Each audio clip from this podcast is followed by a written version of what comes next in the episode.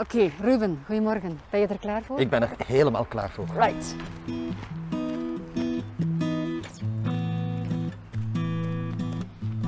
Hey, welkom bij een nieuwe episode van de podcast Brave New Human.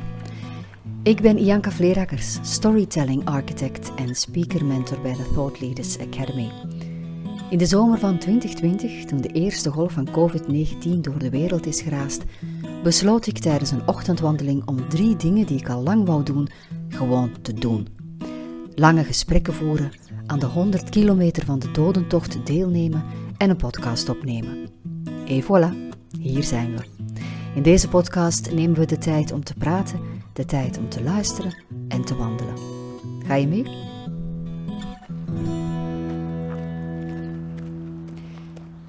Mijn wandelmaatje is Ruben Mersch. Ruben is filosoof, bioloog en schrijver van boeken met ronkende titels als Oogklepdenken en Waarom mensen altijd gelijk hebben. Hij heeft een brein waar ik nieuwsgierig van word, die Ruben. Dus dat wordt smullen. Het is uh, mijn eerste wandeling die we met een mondmasker gaan doen. Ja, het, uh, uh, het is niet heel aangenaam. En het, bij mij het probleem is, ik krijg een enorme jeukneus van. Een jeukneus? Ja, ik heb, zodra ik dat ding opzet, begint mijn neus acuut te jeuken. Zeer irritant. Dat is gewoon maar de gedachte dat er ja, iets is dat, dat er niet hoort te zijn. Ja, dat is waarschijnlijk en dan jeukt het. Ja. ja, ik heb ook snel het gevoel van ik ga niet genoeg kunnen ademen, wat, een, wat niet waar is natuurlijk. Wat niet waar is, dat je kunt gewoon uh, perfect die uh, zuurstofsaturatie meten en dan zie je dat dat nauwelijks verschil maakt. Maar aangenaam is het niet. Nee. Ik hoor dus na vijf woorden al dat jij biologie hebt gestudeerd. Uh, ja, ja, ja, ik heb filosofie en biologie gestudeerd. We zien daar de, de wilde eend, eend Annas platerinchos. Bedoel je, bedoel je dat, dat ding in het, dat ja, dier in het, water? water. Dus jij ziet al van op, wat is dat, op 10 meter afstand welke soort dat Ja, ja, ja. En ik heb mij ooit in mijn, mijn jeugd was ik heel erg nerdy. Toen dat helemaal nog niet in was. En nu mag je nerd zijn en dan is dat niet meer zo'n probleem. Eh, bezig gehouden met het van buiten leren van de Latijnse namen van ongeveer alle Europese vogels. En dat blijft hangen schijnbaar.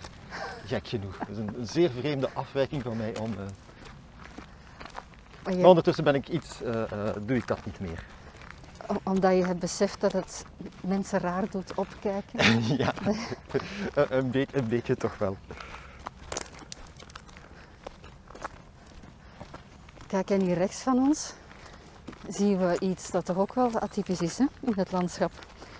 Ja, schijnbaar hebben ze hier eh, hooi eh, gemaaid. Eh, dat zal dan waarschijnlijk gevoederd worden. Wil je er naar gaan kijken? Ja, even. Kijken naar het, eh, het. Het lijkt net alsof. Oh nee, het is gebreien. Dat, dat is vreemd. Dus je ziet een hooibaal die helemaal. eh, is, is dit nu kunst of is dit eh, ehm, gewoon zo gedaan? Dat is wel een fascinerende vraag eigenlijk. Weet jij het? Ja, ik weet het. Het is, het is kunst. Ja, het is landschapskunst van eh, Estelle Chrétien. Er is hier in het park een eh, landschapskunstentoonstelling van, eh, van de kunstenares. En eh, zij heeft hier een hooibaal, een lokale hooibaal. Ze heeft blijkbaar heel veel moeite moeten doen om die op dit moment van het jaar te pakken te krijgen. En eh, ze heeft daar eh, een haakwerk rondgehaakt. Ehm, eh, daar Helemaal manueel. Daar is Manueel, daar is een maand mee bezig geweest. Om, een, eh, eh, om de ambacht en, het en de natuur bij elkaar te brengen. Om het werk dat erin zit en de contradicties. ehm. het is zo van dat, van dat ruw. Ja, ja, het is daarom Zo. dat ik wat in verwarring was, want het is van dat ruwtouw dat je Ja. zo eh, gebruikt bij... eh, Dus stel je voor dat je daarmee haakt, dan liggen je handen open. Hè? Ja, zo van echt plastic touw. Een vriend, een vriend van mij heeft eh, ook een, een kunstenaar. heeft ooit een, een enorme populier genomen, zo'n een, een boom van 10 meter. Heeft hij twee maanden met een bijtel zitten hakken tot er alleen nog maar een tandenstoker overbleef. Ah. Ik vond dat een, ik vond dat een leuk concept. Het is hier het park van Hingenen, dat is het zomerkasteel van de, van de graaf die, eh, die hier vroeger is geweest. Het eh, domein is eh, jarenlang in restauratie geweest. En het kasteel, ja, daar, kan je, daar zijn tentoonstellingen in en activiteiten, et cetera.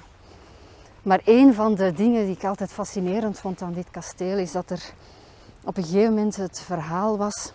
Bij de restauraties hebben ze het behang voorzichtig afgehaald en het uh, gerestaureerd. Prachtig uh, behang. En ze vonden achter het behang een uh, met de hand geschreven notitie van een van de meisjes van de kinderen die daar heeft gewoond, die iets genoteerd heeft. En uh, ja, voor mij spreekt dat tot de verbeelding hè, van wat was er toen en waarom heeft hij dat gedaan en was dat stiekem. En wat stond erop? En wat stond erop?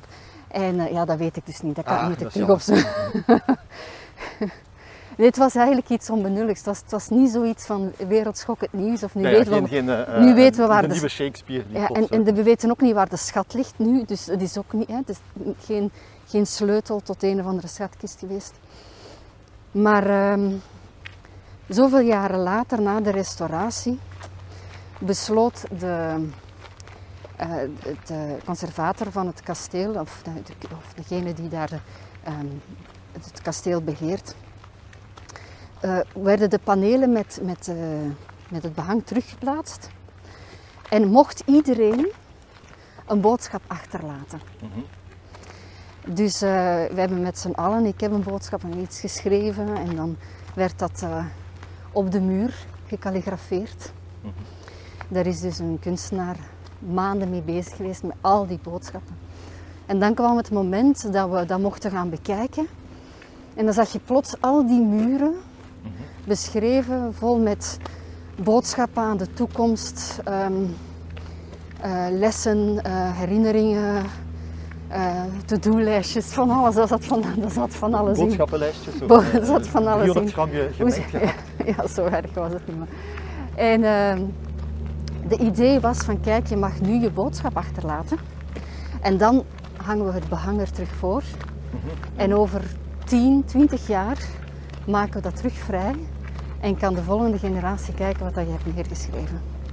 En dan denken ze waarschijnlijk, oh wat waren ze toen dom.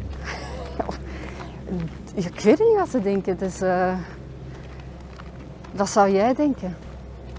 Ik, ik weet niet, ik ken, de, ik ken, de, boodschappen niet, dus ik, ik weet het niet. Maar wat, het is, uh... wat, zou je achterlaten? Stel dat je de kans hebt om een boodschap achter te laten, wetende dat je, dat je over tien jaar, dat jouw kinderen of, of, ja, of andere kinderen, het hoeft niet te jaar te zijn, die boodschap kunnen lezen. Welke zou je dan achterlaten? Goh, ik, ik, uh, ik denk gewoon, wees nieuwsgierig.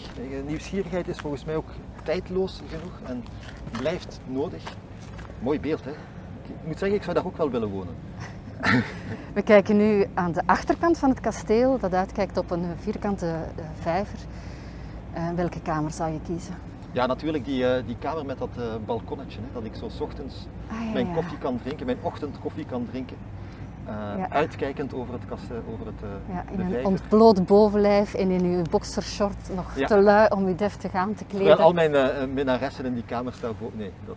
dat zijn er veel, 2, 4, 6, 8... Dan ja, gaat, werk, mijn vrouw, gaat mijn vrouw dit horen? ja, het, het is dan ja, hè. Stel dat je die boodschap mag achterlaten. Ja, wees nieuwsgierig, zou mijn, mijn boodschap zijn. Dat is ook wat ik mijn kinderen probeer bij te brengen dat, dat zeker in deze tijden dat iedereen een mening heeft over alles.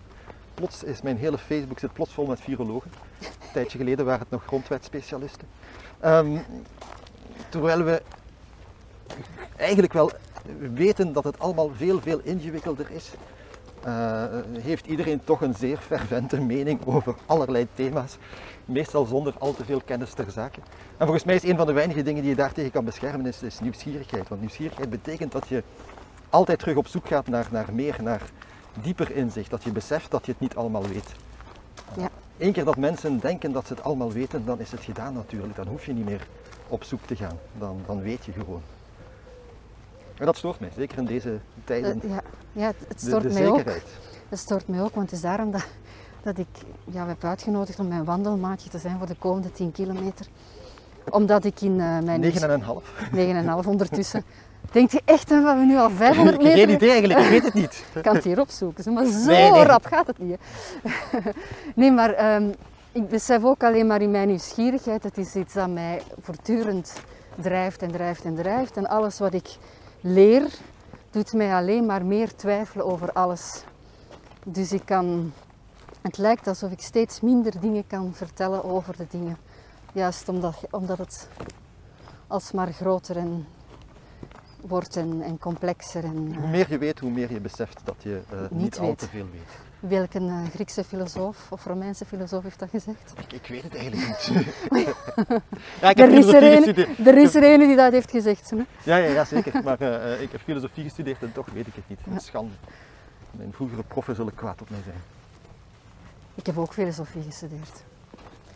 En hoe ben jij dan in het eh, acteren? Drie beland? maanden. Ik, heb, ja, moet, Ah, drie maanden. Ja. ik wou altijd al filosofie studeren, en, eh, maar ik dacht oké, ik ga eerst voor acteur. Dat, ik, eh, want dat was uiteindelijk dat was hetgeen wat ik wou doen als, als beroep, maar de filosofie heeft mij altijd heel hard aangetrokken.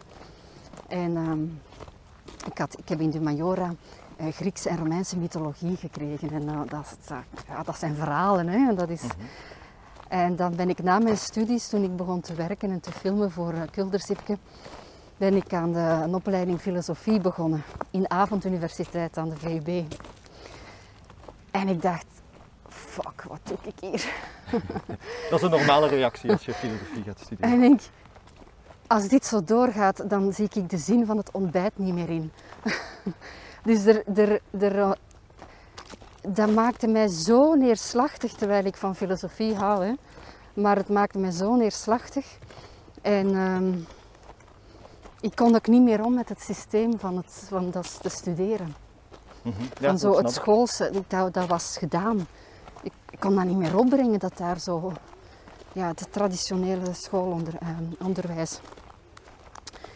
Uh, dus ben ik ermee moeten stoppen, omdat ik uh, anders raakte niet meer naar mijn werk. Een totaal existentiële crisis. Ik had echt een, maar Elke echt ochtend waar. bij je ochtendkoffie denken, Echt. waarom leef ik? Wat is de zin van dit Wat is? En, uh, maar ik denk dat het door Plato is gekomen. Door zijn, door de, die de, echt waar, door zijn schaduwen daar in zijn grot Potjandori. ik dacht, ik kan hier niks, niks wat ik hier doe is echt grijpbaar. Achteraf dacht ik van, zou dat daarmee te maken hebben? Was dat dat dat zo gepakt heeft? En, uh... Nu, ik, ik ben helemaal geen fan van filosofieopleiding. Ik, uh, ik ben zelfs geen fan van filosofie. Dat is heel erg, om, dat, klinkt als een, uh, een moordbekentenis. Maar uh, laatst was ik op uitnodiging van Maarten Boudry, die, die een, een, een, lesopdracht heeft aan de Universiteit van Gent. Moest ik gaan praten met wat ik gedaan had met filosofie over zijn studenten. Er waren nog een andere, aantal andere filosofen. En zat ik plots terug in dat academisch-filosofisch milieu waar ik zo lang al uit de weg ben. En plots besefte ik, al die andere mensen, ik begreep die niet. Nee. Ik begreep daar geen hout van. Ik heb het dat ook gezegd en toen is er iemand heel kwaad geworden. Maar dat is een soort... Goh, ik, ik wik en weeg mijn woorden, maar kom, ik ga het toch maar zeggen. Incestueus jargon vaak. Ja, ik had dat Die zit ook, allemaal dat gevoel. intellectueel uit elkaars neus te putteren. En dan denk je van, jongens, er is een wereld. Ja, en Daar zo- moeten we iets mee doen. Ja, ik had ook zoiets van, wat een moeilijk doenerij. Ja. Jongens, Ja, ik versta dit niet. Nee, en, en, ja, ik, ik ben nu e- eerder journalist dan filosoof, denk ik. En mijn taak of mijn opdracht klinkt wat groot. Maar wat ik probeer te doen is dingen helder uitleggen, zodat niet iedereen, want dat lukt jammer, sommige dingen zijn te complex, maar dat de meeste mensen het wel kunnen begrijpen. Maak het zo eenvoudig mogelijk, maar niet eenvoudiger. En filosofen lijken vaak het omgekeerde te doen. Maak het zo ingewikkeld mogelijk. Alsof dat een soort status geeft, alsof je als een duur woord gebruikt, eh, eh, je mening meer waard is en dat je eh, waardevoller bent. Ik vind dat bullshit. Als je- nochtans denk ik dat de filosofie alsmaar belangrijker wordt. Ja, maar niet dat ze zich opsluiten in een soort Nee. intellectueel Nee. bubbeltje. Nee. Waar filosofen, eigenlijk wat doen filosofen meestal? Filosofen praten over andere filosofen, die dan weer praten over andere filosofen. En dat wordt zo'n soort, Incest. ja, soort Ja. systeempje, Ja. intellectuele masturbatie. Maar, maar Oh, dat klinkt hard. Sorry, lieve filosofen, ik meen het zo niet. in dit maagdelijke park, Ja. dus op 500 meter van de startplaats. Ehm, ja, maar dan heb je het over de, over de academici, denk ik. Hè? Over, Ja, ja, ja, tuurlijk. En er zijn de- ook heel veel filosofen die gelukkig uit dat eh Ja. stramien... ja. eh, eh, En dat merk ik nu, dat er, ehm, dat er een, nieuwe, een, een nieuwe soort filosofen opstaan. Is dat wat dat je de, wacht, de, de praktijk, praktische filosofie, of doe, ehm, heeft dat ook geen naam? Ja, ja, ja, zo- ja ze, ze noemen dat wel eens toegepaste filosofie, Ja. maar eigenlijk dat is nauwelijks te onderscheiden van een, eh, eh, wat mij betreft, van, van een, een, een goede journalist die eh, grondig probeert na te denken over de dingen en probeert Ah, ja. te begrijpen hoe de dingen in elkaar zitten. Ah, Ik, ja. ja, we hebben dat allemaal in vakjes onderverdeeld. Hè. Ja. Maar een, een goede wetenschapper kan evenveel filosoof zijn dan een academisch geschoolde filosoof, volgens mij. Waarbij het jammer is dat een echte wetenschapper de laatste tijd extreem moet specialiseren. Steeds meer weet over bijna niets. Ja. En, en dus het grote plaatje niet meer ziet of Ja. kan zien. En dat is natuurlijk wel het, eh, het ding nu. Hè. Dat we heel hard inzoomen op zaken en dat we daarmee, daarmee het overzicht eh, verliezen. Ik denk dat dat ook de kracht van Harari is. eh, Ja, dat ja. hij zodanig uitzoomt. Maar die, die legt het toch ook op, ik ben het niet altijd met hem eens, maar hij legt het wel op een sensationeel goede manier uit. Ja. Ja. En, en zelfs met humor. Iets wat ik heel hard mis in de meeste filosofie. Man, die zijn saai. Haha. ja, ik zou eh, Kant of echt- Heidegger niet willen zijn tegengekomen. Nee, oh man, stel je voor dat je een Oh, hele avond met kant op café Oh. moet zitten. Je wordt echt Depressief. dood- ja, je wordt ook doodmoe. Dan denk je van kom, drink een beetje, eh smoor een jointje en, en laat je eens lekker gaan. Nee hoor. Elke dag datzelfde wandelingen zijn met zijn hondje. Hij mag van mij, slimme man hoor, maar eh, eh, nee, ik heb het liever iets... eh, Maar waarom heb je dan filosofie gestudeerd? Ja, eigenlijk omdat ik, eh, ehm, ik eh, eh, op dat moment, ik, studeerde, ik, ik zat in het middelbaar, ehm, en toen keek ik naar een, een, een schitterend ongeluk. Ik weet niet of je dat ooit gezien hebt. Oh, dat- oh, ik vond dat. Oh. En daarna van de schoonheid en de troost. Ja. Oh, Maar nee, dat is gewoon in alle troost, toen was ik al filosofie aan het studeren, maar een schitterend ongeluk, dat kwam eigenlijk het jaar voordat ik moest beslissen. van eh wat Keizer. ik, eh, eh, van Wim Keizer inderdaad, Ja. die ondertussen, ik denk dat hij heen gegaan is. Echt? Ja. Oh, ik vind Ik meen me dat te herinneren, maar misschien, misschien klopt dat dus helemaal niet. Ja. Maar eh, eh, ja, en ik zat eh, elke ochtend, ik, ik nam dat dan s'avonds op, en elke ochtend stond ik om vijf uur op om dan twee uur nog televisie te kijken. Ah, naar een Televisie, die eigenlijk. Dat waren toch gewoon talking heads, hè? Ja, ja, ja. Dat Je was kon je twee- eigenlijk een geen saaiere- uur. Ja, Saaiere tv voorstellen dan kopje van de filosoof of van de wetenschapper, kopje van, de, eh, van Keizer. Wel, misschien dat je, dat je de Keizer zelfs niet te zien kreeg, dat weet ik eigenlijk niet. Eh, ik denk het wel. Ja, ik herinner mij zo zijn, zijn oorklapje. Maar het was saaie tv, hè? Het was zeer saaie tv, was- maar het was fantastisch maar het was natuurlijk. Het was enorm interessant. En eh, ja, toen, toen besefte ik, ja, ik, wil, ik wil begrijpen, ik wil weten, of toch een beetje weten hoe deze Mhm. Ja. wereld in elkaar zit. En ik herinner mij nog dat ik stond, dan moet je zo op een bepaald moment moet je je gaan inschrijven. Nu gebeurt dat online, toen moest je nog fysiek naar eh, eh, zo'n kantoortje gaan. Met van die eh, jaren 50 eh, eh, bureaus en kasten. En ja, ik moest dan ik moest kiezen en ik had filosofie of biologie. En de, op het moment zelf heb ik besloten dat het filosofie ging worden. Dat evengoed biologie. Ik ben dan later biologie gaan studeren daarna. Maar dat was toen, ja, ik denk dat een schitterend ongeluk heeft. was het laatste duwtje dat ik nodig had richting filosofie. Maar voor zo'n, wat gaan we kiezen keuze? zo, wow. Eh, heb je wel vier jaar aan je rekker gehad, hè? Ja, maar Dus- zo, zo, gaat het, zo gaat het toch in het leven dat de belangrijkste keuzes maak je eh onstoemelings.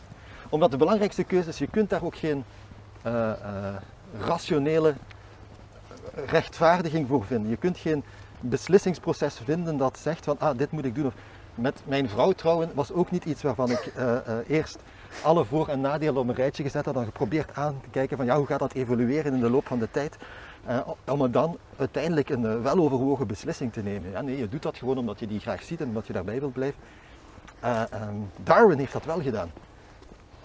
Die heeft een lijstje gemaakt toen hij al dan niet ging trouwen met Emma Wedgwood, was het denk ik. Heeft hij echt een lijstje gemaakt van de voor- en nadelen. Ik, ik herinner mij dat er ook op stond, in ieder geval beter dan een hond. hij is uiteindelijk getrouwd en volgens mij zelfs vrij gelukkig getrouwd, als Ja. ik mag... eh, Nu, ik, ik, eh, ik- denk dan, oké, was dit, is het dan vingerspitsengevoel, buikgevoel, intuïtie of gewoon het is zwemmen of verdrinken? Goh, dat weet ik eigenlijk niet. Dat zal dan wel. Ja, wat, wat is buikgevoel? Hè? Eh, ja, het, het jammere Het jammer is juist de verkeerde uitdrukking. Maar in, in deze wereld moeten zullen we even duidelijk maken of dat over uw vrouw gaat of de keuze van een filosofie? Misschien moeten we even... Hè? Nee, nee, we gaan het even over de, de twee hebben. Ja. Eh, Je moet in dit leven beslissingen nemen. En we, we zeiden het net al, eh, eh, er is altijd te weinig informatie. Dus ja, dan, dan moet je gewoon maar springen. Ja. Anders blijf je heel de hele, je hele leven aan de kantlijn zitten, denkend hoe ingewikkeld het wel niet is. Dat is leuk. Ik doe dat ook vaak, want ik, ben, ik schrijf dan stukken. Maar ja, soms moet je gewoon in het leven duiken en zeggen van oké, we gaan die richting uit. Ik weet niet welke richting de juiste is, maar we doen nu dit. Dus de analyse kan verlammend zijn. Ja, Ja. je ziet dat ook. Hè. Je hebt mensen die, eh, eh, waarbij eigenlijk het, wauw, ik zal het neurologisch even heel kort door de bocht uitleggen, waarbij eigenlijk het, het hele voelen afgesneden is van het, het, het denken, hè, de neocortex, waar je Mhm. beslissingen neemt. En dan, dan, zie je bij die mensen dat die eh, eh, niet in staat zijn om om het even welke beslissing te nemen. Als die naar de bakker gaan en die moeten beslissen, wil ik een, eh, een, een, een- een klein rond of een groot volkoren, dat lukt niet. Die, die blijven maar voor- en nadelen opsommen tot die knettergek worden en die nemen nooit. Die komen nooit tot het punt dat ze zeggen van, ah ja, nu gaan we dit doen. Dus dat is een zeer moeizaam leven als je alles puur rationeel wilt eh, beslissen.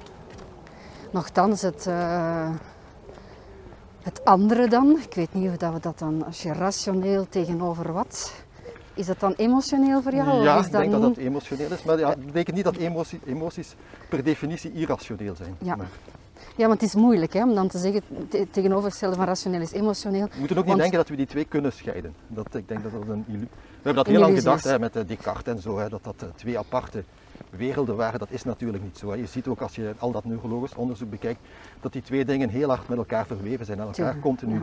beïnvloeden. Beïnvloeden, ja.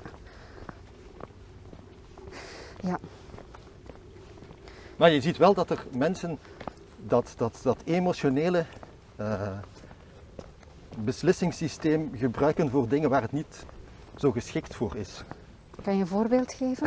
De coronacrisis. Mhm. Eh, in die zin, iedereen wil, hoopt echt dat het allemaal niet zo erg is. En dus gaan, gaan mensen op basis van hun buikgevoel allemaal die dingen opzoeken die aantonen dat het niet zo erg is. Ja. En dan zeggen ze plots dat die mondmaskers niet werken en dat het eh, virus toch eigenlijk niet zo dodelijk is. Maar zonder dat ze daar eigenlijk echt veel kennis van hebben. Maar wat zij doen is dat hun, hun, hun verlangen dat het niet zo erg is, verwarren met de kennis Ja. dat het niet zo erg is. Nu, je krijgt elke opvatting gestaafd met de nodige eh, informatie en bewijzen. Ja, het is, zeker het als is je, maar wat zijn- je wil zien, denk ik. Hè? Dus Heel, heel vaak wel, hè. natuurlijk. Het is, eh, zeker nu bij dit virus is het, eh, ja, de wetenschap is nog zeer pril. Hè. We weten nog heel, heel, heel weinig over dat virus. Dat duurt ook nog wel een paar jaar eer we dat echt een beetje doorgronden. En zeker op dit moment kun je alle kanten uit met de, de bestaande. Zelfs als je je per- beperkt tot puur de wetenschappelijke data, de gepubliceerde eh, wetenschappelijke Ja. artikels, kun je nog echt heel veel kanten uit. Dat vond ik eh, ont- echt frappant. Als, ik ben zo geen datamens. Hè? Dus ik heb eh, in, die, in die opleiding filosofie een aantal vakken logica en statistiek gehad. Eh, dat was voor een creatieveling, een acteur als ik, was dat marteling. Ah, ja, ik vind dat net heerlijk. Ja, natuurlijk, tuurlijk. Nu zou ik daar stilaan, kijk ik eh, daar anders tegenover, omdat ik een aantal goede toegankelijke boeken daarover heb gelezen, waaronder eh, eentje van Rutger Bregman. Laat ik nu zeggen. Ah ja, dus de data die de afgelopen maanden zijn vrijgegeven aan, aan, het, ja, aan ons, aan het publiek, aan het gewone volk, over hoe dat we, hoe dat we go- goed of niet goed bezig zijn met een- het aantal doden en dit en dat dat deed mij heel duidelijk beseffen dat zelfs de data die, als je de focus legt of het uitgangspunt ook maar iets of wat verandert, dat je een heel ander beeld kan krijgen van wat er gaande is. Ja, en eh, je ziet dat ook. Hè. Er zijn heel veel mensen die dan zeer selectief door de data gaan prutsen om hun punt te maken. Ja. Zijnde, het is verschrikkelijk of het is helemaal niet erg, nauwelijks erger dan een griepje. Maar ja, jij als journalist moet dat toch ook doen. Je moet keuzes maken in hoe dat je een onderwerp gaat benaderen. Dus je gaat kiezen wat Ja. je wil uitspitten, dus wat je wil zien. Ja, ja, je kiest al wel- welke vraag jij belangrijk vindt. Dat is al een, een heel duidelijke keuze, want er zijn hopen mogelijke vragen die je zou kunnen beantwoorden, die je, niet beantwoordt. En dan inderdaad, één keer dat je aan een vraag begint, ja, je weet dat je selecteert. Nu, ik, wat ik probeer te doen, eh, is wel altijd blijven nadenken, waarom geloof ik dit? En heel vaak kom je dan de conclusie van, goh, ik zou dit eigenlijk graag geloven, maar als ik nu echt naar de, de data kijk en naar de, de, de onderliggende methodologie, nou, zo hard is het niet. Maar die reflex komt inhouden van, ja, geloof ik dit nu omdat ik dit wil geloven, of geloof ik dit omdat me de data mij ertoe dwingen, vind ik wel enorm belangrijk. En is dat dan iets dat je ook zegt in je artikels? Ja, ik probeer ook altijd, de, uh, ik heb nu net een lang stuk geschreven over de gezondheidsimpact van uh, 5G. er is heel veel over te doen, ja, dat is uh, een heel gedoe. En dan heb je hopen studies daarover, 25.000. Ik heb ze niet allemaal gelezen, alleen die grootste. Ja, sorry, ik heb ook mijn tijd is beperkt. En dan probeer ik ook altijd uit te leggen waarom sommige dingen die dan heel angstaanjagend klinken, waarom dat we eigenlijk ons niet te veel zorgen moeten maken, net omdat het onderliggende bewijs niet erg sterk is. En dat is wel iets wat ik enorm mis in, uh, eigenlijk in de opleiding in het algemeen, zelfs in de universitaire opleiding, is die nadruk op wat, wanneer is iets een, een goed bewijs en wanneer is iets een minder goed bewijs. Ja. Dat is eigenlijk een basisvaardigheid, zeker in deze tijden waar we plat gebombardeerd worden met feiten, die mensen wel zouden moet, moeten hebben, vind ik. Ja, maar... ja nu, uh, ik refereerde daarnet naar uh, de statistieklessen dat ik heb gekregen in die paar lessen aan de UNIF. En de walging dat ik daar dan van had. Ja, maar terecht, hè. het maar wordt ook veel, het veel, het wordt ook, Ja, en ook moeilijk gemaakt. En, en, en, ter, en nu, door, de, door corona, had ik zoiets van... Dit zou basiseducatie moeten zijn. Ja, dat, we leren, dat we leren kijken, leren data in, um, juist lezen en in een juist kader te plaatsen, zodat men ons niet meer kan, kan overroepen en overdonderen met een of andere stelling. Ja, en dat is eigenlijk een, een, ja, dat is toch een basisvaardigheid die we toch een beetje missen. Hè? Het is natuurlijk ook niet makkelijk, want de, de duivel zit altijd in de details, of toch vaak. Ik, uh, een van de dingen die ik doe, doe, buiten mijn journalistieke werk is dat ik voor het BCFI werk, het Belgisch Centrum voor Farmacotherapeutische Informatie. dat is een, een organisatie die eigenlijk uh, uh, artsen bijschoolt. En mijn taakje daar is dat ik e-learnings maak over statistiek en studiemethodologie. -huh. En ja, dan, dan ben ik ben daar dus echt wel veel mee bezig. En dan besef je ook hoe ingewikkeld het is. Hoe vreselijk ingewikkeld. Dus heel vaak zie je in de, in de media, een wetenschappelijke studie heeft aangetoond dat. Zo eenvoudig is het zelden. Hè. Dus, uh, er zitten zoveel uh, subtiele mogelijkheden in om die data een beetje te sturen, dat je echt wel vrij goed onderlegd moet zijn eer je weet van oké, klopt dit nu of klopt dit niet? Hoeveel mag ik hieruit concluderen? Ja. Maar mensen moeten vooral leren om wat moet het zeggen, probabilistischer te denken. We denken het is waar of het is fout. Nou, zo zit het zelden. Hè. We weten een beetje, uh, het is een reden om aan te nemen dat het waar is, of er zijn redenen om aan te nemen dat het misschien niet waar is. Maar dat is altijd een hele grote grijze zone. Wetenschap weet niet zoveel, of veel minder dan we zouden willen. Maar ja, die subtiliteiten, dat krijg je er toch zelden in. Uh. Mag ik stellen van wat, ik, uh, wat je zo net hebt verteld. Het is iets dat ik denk, maar ik durf dat niet echt luidop zeggen. Dus vandaar dat ik dat aftoets aan mensen zoals jij. Um, dat ja, de waarheid niet gekend kan zijn en dat het een interpretatie is van feiten. Ja, en dan ga je alweer te, te breed natuurlijk. Hè? Want sommige dingen kunnen we met een, een aan zekerheid grenzende waarschijnlijkheid wel weten. Andere dingen gaan we nog zo hard kunnen prutsen, maar we gaan het nooit met zekerheid te weten komen. Dus soms is er wel waarheid. Die is nooit zo volkomen en fantastisch en uh, uh, uh, alomvattend als we zouden willen. Maar soms is die er wel. Dus naar, wacht, hè. Het was, het was, dat was een zin waar je denkt van shit, dat moet ik even opschrijven. naar alle waarschijn, onwaarschijnlijke waarschijnlijke ja, nee, er, er, zijn, er zijn dingen die je, die je heel goed kunt onderzoeken. En waar je uh, uh, met aan ongeveer zekerheid grenzende waarschijnlijkheid kunt zeggen van ja, zo zit het. Maar, maar heel vaak is dat niet zo. Heel vaak weten we het gewoon niet en kunnen we het ook niet weten om eigenlijk het, de, de mogelijkheden om te onderzoeken te beperkt zijn. We kunnen niet... Uh, ik, zal, zal een voorbeeld geven. Kijk, mijn medicijn, dat is waar ik dan een groot stuk van mijn werk ook aan besteed, dat is heel onderzoekbaar of dat werkt of niet. Je neemt duizend mensen, eh, je deelt die willekeurig in twee groepen. De ene helft krijgt het medicijn, de andere helft niet. Dan heb je nog een hele hoop andere dingen die je moet doen, maar uiteindelijk kun je zeggen van ja, dit medicijn maakte een uh, verschil of maakte geen verschil. Nu, als je nu gaat zoeken wat de impact is van uh, migratie op de criminaliteit, ja, je kunt niet, je kunt niet duizend werelden nemen, Eén met, de helft met migratie, de helft zonder, en dan kijken wat er gebeurt qua, qua criminaliteit. Dus dat ga je, de onderzoeksmethoden gaan er altijd complexer zijn, dus altijd meer mogelijke biases, fouten, vertekeningen vertonen, waardoor de zekerheid veel, veel lager gaat zijn. Maar toch, mensen negeren dat allemaal, al die onderliggende methodologische problemen en, en claimen gewoon dat zij het zeker weten, of de ene richting of de andere richting uit. Ik vind dat jammer. Ik zou, uh, ik zou het leuk vinden als mensen eens vaker zouden zeggen, goh, het is ingewikkeld, we weten niet helemaal, maar ik denk dat we vermoedelijk dit het geval zal zijn. Maar zo zijn mensen niet. Mensen willen, ja, mensen hebben nogal de neiging om nog heel erg zwart-wit te denken. Ja. En nieuwsgierigheid is de beste manier om daar aan te ontsnappen natuurlijk. Want nieuwsgierigheid zorgt ervoor dat je, uh, dat je niet tevreden bent als mensen zeggen het zit zo. Je wil weten waarom is dat zo, wat hebben ze onderzocht, hoe hebben ze dat gedaan, wat, wat weten we daar nog over, zijn er misschien toch nog andere nuances te vinden.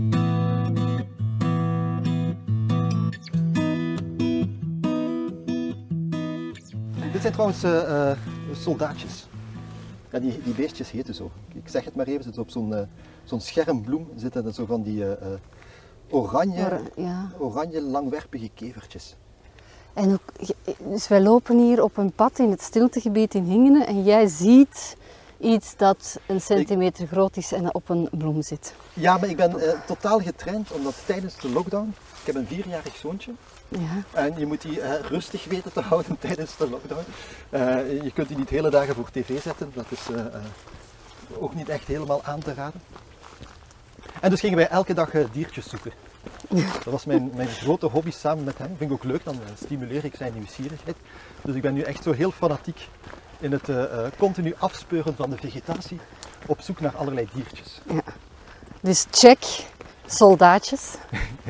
oh, maar je, kunt in, in mijn mini, mini uh, tuintje, ik heb zo'n stadstuintje in Gent, 50 vierkante meter, zal zoiets zijn. Uh, ik denk dat ik nu aan 67 vogelsoorten zit. En, ik denk dat ik rond de 20 soorten zweefvliegen, uh, 12 soorten vlinders. Als je oplet, zie je echt enorm veel. Zelfs in een klein stom stadstuintje. Ik vind dat heerlijk. Dan heb ik, dat is eigenlijk een soort, mijn tuin is een soort Russische roman voor mij. In die zin dat je kent van die Russische ja, ja, ja, ja, veel te veel personages. Veel te veel personages, je kunt ze niet lezen. Dan, dan, dan, ga ik gewoon in mijn tuin, ik kan daar niet echt wandelen, want 50 vierkante meter kun je niet echt een wandeling doen. Maar dan ga ik daar gewoon rondkijken en dan vind ik altijd wel een nieuw personage. Ja, plus dan kan je al de bijnamen van dat personage gaan zoeken, zoals in die Russische romans. Al die verbasteringen van die namen ik ervaar jou nu en je, je, je geest dat gaat de gang en dat, dat springt en dat legt associaties. En, uh, maar wij hebben dit gesprek en we, we, je kwam ook voor dit gesprek. Maar ben je dan ook zo op café? Dat soort explosieve gedachten en, en discours starten? Uh, ja, een beetje afhankelijk met wie ik afspreek. Uh, vaak wel misschien, ik vind altijd van mezelf dat ik te veel aan het woord ben. Misschien is dat ook wel zo. Met wie moet je dus niet op café zitten? Wie moeten we waarschuwen voor Ruben Mersch? Wat doe dat niet? Uh... Wat voor types zijn dat dan? Ja, ja, mensen die, die, die, die, die heel timide zijn, gaat het toch af en toe moeilijk.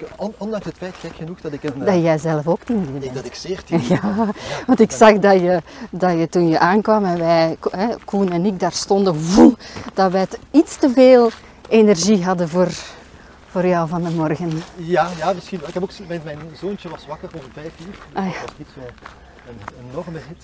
Ja, ik, ik was vroeger zeker, nu is dat veel beter, maar vroeger was ik enorm verlegen doodsangstig jongetje. En dat jongetje dat zit, dat zit daar nog wel ergens hoor. En dat af en toe komt dat terug naar boven.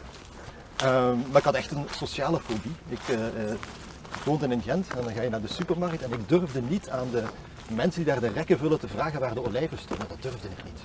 Ik was daar echt bang van. Nu durf ik dat al wel. maar bij de eerste keren dat ik een lezing moest geven, man, het is... Ik, ik, ik, ik heb het overleefd, laten we het zo stellen, maar daarna het angstzweet. Ik was doods, doods, doods bang. Ik ben ook eh, gepest als eh, kind, dat zal daar waarschijnlijk wel iets Ja, mee te maken mea culpa. Hè? Dus... Maar ehm, wat gaat er dan door je heen als je zo angstig was? Als je... Ja, ik, ik denk een, een, een, van de meer fundamentele menselijke angsten is toch om afgewezen te worden door, Ja, door je omgeving. ja, je wil graag gezien worden. Iedereen wil Iedereen, graag tuurlijk, het is geen, het is geen verwijt. Trump Het zei is, het laatst nog. Nobody likes me, arme jongen. Ja, zo erg heb ik het niet. Ondertussen ben ik, ben ik gelukkig. eh, heb mij gelukkig kunnen omzingen met mensen die me wel leuk vinden. Maar er was een periode in mijn leven dat ik echt... eh, eh, ja, waarschijnlijk ook omdat mijn brein misschien toch wat anders werkt dan het, eh, veel andere breinen. Eh, ja, ik viel helemaal uit, eh, eh, Uit groep, uit elke Ja. groep.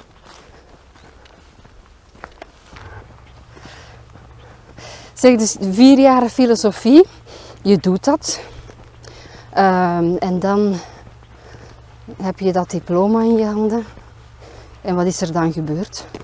Eh, toen had ik weinig zin om werkloos filosoof te zijn. Ik had ook eigenlijk nooit nagedacht over, over een toekomst, over wat ik wou worden. Ik, eh, was daar om een of andere reden niet echt mee, mee bezig. Dan ben ik biologie gaan studeren. Eh, ik gaf toen, als, ik heb dat wel grotendeels zelf betaald, ik gaf toen bijles logica vooral en wetenschapsfilosofie. Ehm, ja, heb mijn, mijn biologie heb ik nooit helemaal afgemaakt. Ik heb al het laatste eh, moment zat ik zo zonder geld dat ik. eh, eh, en toen kreeg ik een, een- via via een jobaanbieding in de farmaceutische industrie. De farmaceutische industrie op dat moment, het was een IT-job. Op dat moment IT'ers, het was 1998 denk ik. Eh, IT'ers waren op dat moment zeld, nogal zeldzaam. Ja, dus op het moment dat je een computer kon opzetten, dan Ik kon de was je- computer opstarten en ik had ook echt wel, ja, ik was wel goed in logica. En dus was er ergens een of andere human resource manager die zei van kijk, we gaan filosofen zoeken die goed zijn in logica. Dus ja, ik, en plots had ik dus werk. Plots werkte ik in een farmaceutisch bedrijf. Eh, Maar waarom heb je voor, voor eh, biologie gekozen dan? Ja, omdat de, goh, wij mensen zijn maar één van de, de zoveel miljoenen, miljarden diersoorten die er op deze aardkloot rondlopen. Ik, heb het altijd vreemd gevonden dat ik vind dieren minstens even interessant als mensen. Ja. En dat blijft zo. Wij lijken op heel veel vlakken, zelfs op qua moraliteit, waar we altijd gedacht hebben, oh, dat is een typisch menselijke eigenschap. Ja, kijk eens naar apen en je ziet daar ook een, eh, een ethisch systeem. Ja. Eh, die, hebben ook, eh, die, die lijken veel meer op ons dan wij zelf willen toegeven. Er zijn een paar heel mooie experimenten die dat... Ik weet niet of je het, het, het, het, filmpje van Frans de Waal kent, eh, over beloning. Die, eh, Ja, is dat met die druif en de... ja, en de komkommers. Dan zie je zo twee, twee apen Echt. naast elkaar zitten in een, een, in een hokje en die moeten allemaal een opdracht uitvoeren. En de ene krijgt een komkommer en dat, vond die, eh, dat vindt hij best oké, dus die eet die komkommer op.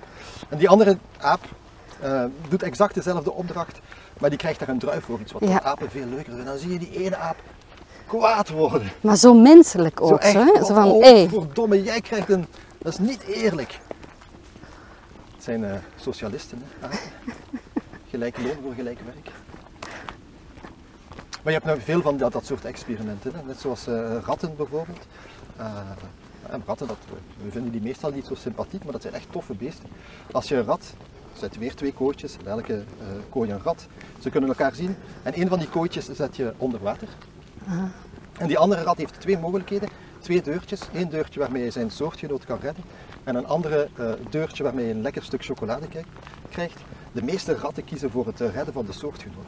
Ah, ja. zijn, die hebben empathie. Dat zijn Ah. eh, empathische wezens die zich inzetten voor hun... zelfs als ze niet verwant zijn. Hè? Zelfs Ja. als er geen genetische verwantschap is tussen die twee ratten. ik geef even mee dat we nu langs de Schelde lopen. Je kan ze nog niet zo goed zien, maar... Heel goed dichtgegroeid met eh, volgens Ja. mij reuze springbalsen. dat, eh, ja, ja Paarse, voor eh, mij is dat groen. groen. Ja, die, die paarse bloemen die je daar ziet. Ja. Ah ja, ja. Als je daarop duwt, dan ontploffen die ook. Dat, die, die zaadjes worden eruit weggecatapulteerd. En als kind is dat natuurlijk plezant. Hè? Dat natuurlijk. Maar dat is eigenlijk een vrij recente invasieve soort. Ik denk toen ik kind was, was dat er nog nauwelijks.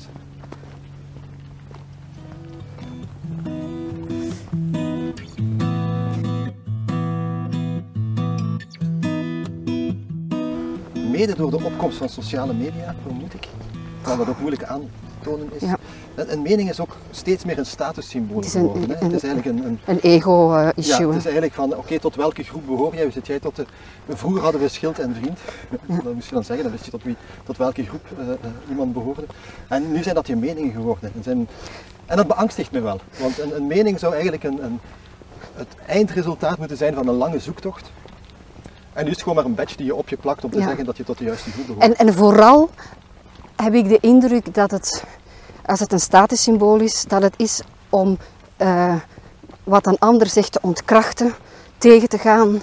eh, dat, er een, altijd, dat er heel vaak negativiteit in zit. Zo. ja, ja, de- meestal, de meestal roep je wij zijn de goede en jullie zijn de slecht. Ja. Iedereen die niet zo denkt is een slecht mens. Dus dan kom ik jouw boek tegen. En ik denk, bah, die heeft erover geschreven. Die gaat mij er alles over kunnen vertellen. En was dat zo? Ja, ik had de hele tijd het gevoel, ah ja, ja, het is waar. Ah, ja, dat vind ik ook. Ja. Maar hoe ben jij ertoe gekomen om het, om, eh, het boek eh, te schrijven? Goh, ik had mijn, mijn eerste boek geschreven, Oogklep, denk ik. Waar ik nog veel optimistischer was, denk ik, over het, het, het menselijke kenvermogen. En ons vermogen om de wereld te doorgronden. Oké, ik had toen ook al een hele reeks denkfouten in, in kaart gebracht en eh, laten zien, denk ik, hoe, hoe mensen soms niet uh, subrationeel, laten we het zo even noemen. Wacht, uh, super. Ja, niet rationeel, laten we Ja, zeggen. okay. Ja, in ingewikkelde woorden. Ja, ja, ja, ja, ja. Dat, is ook, dat is ook slimdoenerij. Hè? Ja, dat is ook slimdoener. Voilà. Ja. Uh, minder rationeel zijn dan ze uh, denken te zijn. En ik dacht toen nog, van als we dan mensen de juiste informatie geven en we leggen het allemaal traag en rustig uit, op een eenvoudige manier, dan gaan ze uiteindelijk het licht wel zien. Dan gaan ze uiteindelijk wel allemaal, het convergeren naar dezelfde opinie. En toen kwam ik het werk van eh, Dan Kayen tegen, een Amerikaanse wetenschapper. En, en die toonde eigenlijk heel hard aan dat dat niet zo is. Als je uh, uh, mensen informatie geeft, dan gebruiken ze die informatie heel vaak niet als manier om, om inzicht te krijgen in, in de realiteit, maar heel vaak enkel als, als munitie om de ander af te knallen. En natuurlijk, hoe meer munitie je hebt, hoe beter je bent in het afknallen van de standpunten van je tegenstanders. Dus meer kennis leidt heel vaak tot een grotere polarisering, tot meer divergentie. En dat vond ik zo fascinerend dat ik dacht van ik wil daar een boek over schrijven, hoe komt dat nu? En vooral ook, doe ik het zelf ook? En? Het antwoord op die laatste vraag is ja, natuurlijk. ik ben blij dat je het zegt, want je kunt, ik denk dat iedereen er wel allee, schuldig aan pleit. Ook, ook, ik, in mijn vraagstelling zitten er heel veel aannames ja. met de bedoeling van uh, uh, daarin ge, gechallenged te worden. En dat is net, maar net omdat we het allemaal doen, is een, een, is een debat, is een gesprek zo, zo belangrijk, is van meningsverschillen zo belangrijk. Want de enige, stel dat we, we hebben allemaal een beetje oogkleppen op, waarbij we liefst de, onze versie van de werkelijkheid zien. Dus als we allemaal oogkleppen dragen, is de beste manier om, om meer te weten. Uh, iemand anders die ook oogkleppen heeft, maar op een andere plek staat, vanuit een ander perspectief kijkt. Het, het hele idee achter een meningsverschil is dat je elkaars gebreken in kaart brengt en daardoor opheft. Dat je ja. samen leert Net omdat we allemaal gedeeltelijk verblind zijn. Ja, maar dat vraagt wel een openheid. Hè? Ja. Een openheid van oké, okay, ik, heb hier, ik heb hier mijn stel oogkleppen. Ik vind dat die goed zitten. Uh, jij hebt die van u, maar als je niet de openheid hebt om, om ze te bekijken en u te verplaatsen in de schoenen van de ander, dan is er geen gesprek. Nee, en dat, dat, dat, dat is. Kijk naar. En Facebook is natuurlijk een, een soort karikaturale uitvergroting van een gesprek. Hè? Uh, maar kijk naar Facebook, wat je daar ziet gebeuren, dat, dat lijkt niet eens op een gesprek. Nee. Iedereen roept hoeveel gelijk hij wel niet heeft en hoe dom de ander wel niet is. Ja. Er is zelfs zel, uh, heel zelden een poging tot onderbouwing van dat standpunt. Ik bedoel, de, de, de, het aantal argumenten op Facebook, man, je kunt uh, heel goed een, een maandje, maatje 46 gaan zoeken in de Playboy. Het, het staat er niet. Dat is nu een vergelijking. Ik kan mij daar niks bij voorstellen. Sorry, het is niet dagelijks de Playboy. Het is niet, Hier gaan nee. de problemen komen. Maar ik, ik ga ervan uit dat in de Playboy enkel slanke dames staan. Ik weet het niet. Ik, uh, ik ga er ook van, dat was vroeger toch zo, maar ja, tegenwoordig. In mijn tijd, misschien staan Ja, het is niet onderbouwd, Ruben. Ja, Straks. Het was ook maar een metafoor, het was maar een Moeten we naar... Ja, maar daarin is taal natuurlijk niet onze beste vriend. Hè. Want elke keer als we dingen een woord geven, maken we een keuze. Ehm, Ja, en dan negeren we altijd een, een hele hoop variatie precies, die, ja. dat, ja, eh, die daaronder schuilt.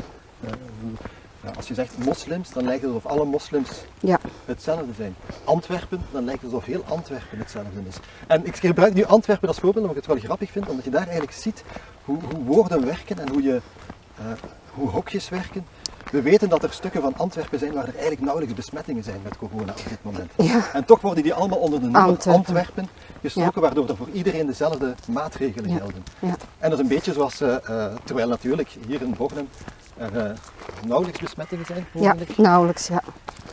Ja, maar dit is ook Antwerpen. Ja, Dus aan de Vlaams belangers die in Bornem wonen en die nu heel kwaad zijn over het feit dat zij in de groep Antwerpen gestoken worden, besef dat dat voor veel moslims ook geldt, dat die ook heel kwaad zijn dat die in de groep moslims gestoken worden samen met die terroristen en dat iedereen denkt dat die dus eigenlijk ook terroristen zijn. Het is hetzelfde mechanisme, er valt niet altijd aan te ontkomen, maar je moet je er wel van bewust blijven natuurlijk, dat je, dat je de variatie plat slaat zodra je een woord gebruikt.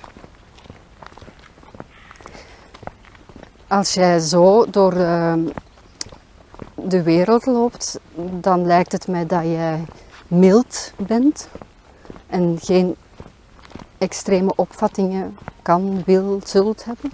Eh, ik, ik probeer echt mild te zijn. Ik, ik ben een tijd vaste columnist geweest voor de Standaard. Eh, en, en eigenlijk vind ik dat een beetje. Ik, doe dat steeds minder, opiniestukken schrijven, omdat ik, ik. Ik heb heel vaak geen mening. En heel vaak is. mijn- Als ik dan mijn mening neerschrijf, komt mijn mening erop neer van: Goh jongens, het is ingewikkeld. Ja. Eh, en dat is niet altijd het meest sexy. Nuance is eh, niet altijd de meest sexy ding. Het heeft zo'n beetje de, de, de uitstraling van een natte kartonnen doos. Het is saai, grijs. Onbet- Het is wel- het is wel onbetrouwbaar, denk ik, vooral een natte doos Ja, is onbetrouwbaar. het is, eh, eh, ja, dit- ik, ik, vind, ik vind nuance net leuk. Ik vind het net leuk om te weten van, ah ja, hier had ik het mis. Ah ja, want het kan ook zo zitten. En misschien dit aspect, daar heb ik toch iets te weinig naar gekeken. Ja. Dus nee, ik ben zeker geen tafelspringer die zegt, ik weet het allemaal en die richting moeten we uit. Ja. Nu, ik, eh, dat straks was je bezig met je verhaal van ja, biologie en dan ben ik in de pharma terechtgekomen, gewoon omdat ik eigenlijk eh, in de fond een beetje met een computer kon werken. Maar ehm, daar ben je ook weer weggegaan. Ja, ja, met, met, met heel veel, eh, eh, dat was nog best veel gedoe eigenlijk. Nu, toen ik daar begon te werken, was bij Tibotech, dat was een klein, echt klein firmaatje op dat moment. Ik denk dat we met 100, een goede 100, 150 man waren. En dat was eigenlijk een soort uit de hand gelopen doctoraat. Twee kerels die hadden eh, moleculen ontdekt die werkten tegen, tegen HIV, eh aidsremmers. En ja, die gingen dat op de markt brengen. Was een en al idealisme. We gingen dat eh, gratis verspreiden in de derde wereld. En, een zeer jong, dynamisch, tof, toffe plek om te werken. Had ook het gevoel dat ik iets nuttigs deed. En dan kwam, op een bepaald moment werden we allemaal samengeroepen en dan kregen we te horen dat er niet meer genoeg geld was. Er was nog net genoeg geld om één maand de lonen te betalen. Daarna was het op. Eh, of twee maanden, dat weet ik niet meer. En dan zijn ze op zoek gegaan naar een overnemer en dat is dan Johnson Johnson geworden. Zo een van, ja, Ja, dat was een mega, Ja. mega, mega farmabedrijf. En dan heb ik nog een tijdje daar uitgehouden. Eh, ben ik ook veel te snel gestegen in de carrière-ladder. Eh, veel te veel verantwoordelijkheid gekregen, veel te grote budgetten. Terwijl ik eigenlijk niet zo, ik- dat is mijn ding niet, leiding geven. Dat, dat moet ik niet doen. Er zijn anderen die daar veel geschikter voor zijn. En ja, het werd ook steeds meer ja, turning the season to profit. Al die idealen, dat, dat, verdween. Je zag dat vergadering na vergadering, zag je dat verdwijnen en wegkwijnen. Daar ging het niet meer over. Het ging over double digit growth en niet meer over wat gaan we doen in, eh, in een derde wereldsetting. en dus dat was echt mijn plek niet meer. Op een bepaald moment vlieg je dan naar Amerika om een of andere Amerikaan die nog nooit van HIV gehoord heeft, eh, eh, iets te proberen uit te leggen dat hij toch niet, wou, niet begreep en wou begrijpen. En denk je ook, waar ben ik hier in godsnaam mee bezig? En toen gingen we verhuizen naar, naar eh, Beersen, van Mechelen naar Beersen. Iets wat voor mij een, eh, toch wel anderhalf uur per dag extra was. En we besloten van, ja, ik ga je niet blijven, ik ga weg.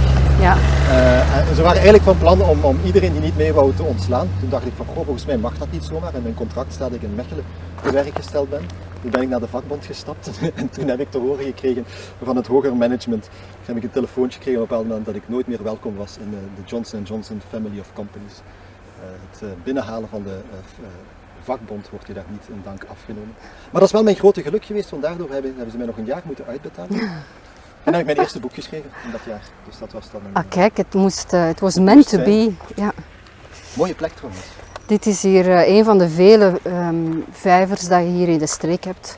Een visvijver dan uiteraard ook weer. Hè. Ik, ik zag daar iets vliegen, maar het is al weg. Er zit daar ook iets in het water. Waarschijnlijk. Ja, maar het zijn weer gewoon wilde eenden. Ik zal wel roepen als ik iets specialers zie. Kijk, ik dacht eerst nog mijn verrekijker mee te nemen. Maar toen dacht ik, ja, 10 kilometer met zo'n verrekijker rond je nek lopen, dat is ook wel... Ja, dan heb ik ook helemaal niks aan u. Hè. Nee, nee, dan zit ik de hele tijd Dus kijken. wandelen, Dat praten en vogels eh, Ja. spotten, dat is een combinatie denk ik, dat je alleen maar tegen een boom loopt. Eh, ja, meestal. Alhoewel, je, je, went wel. Je kunt steeds meer kijken terwijl je ook nog iets anders gaat doen. En in dat jaar heb je dus oogklep geschreven. Ja.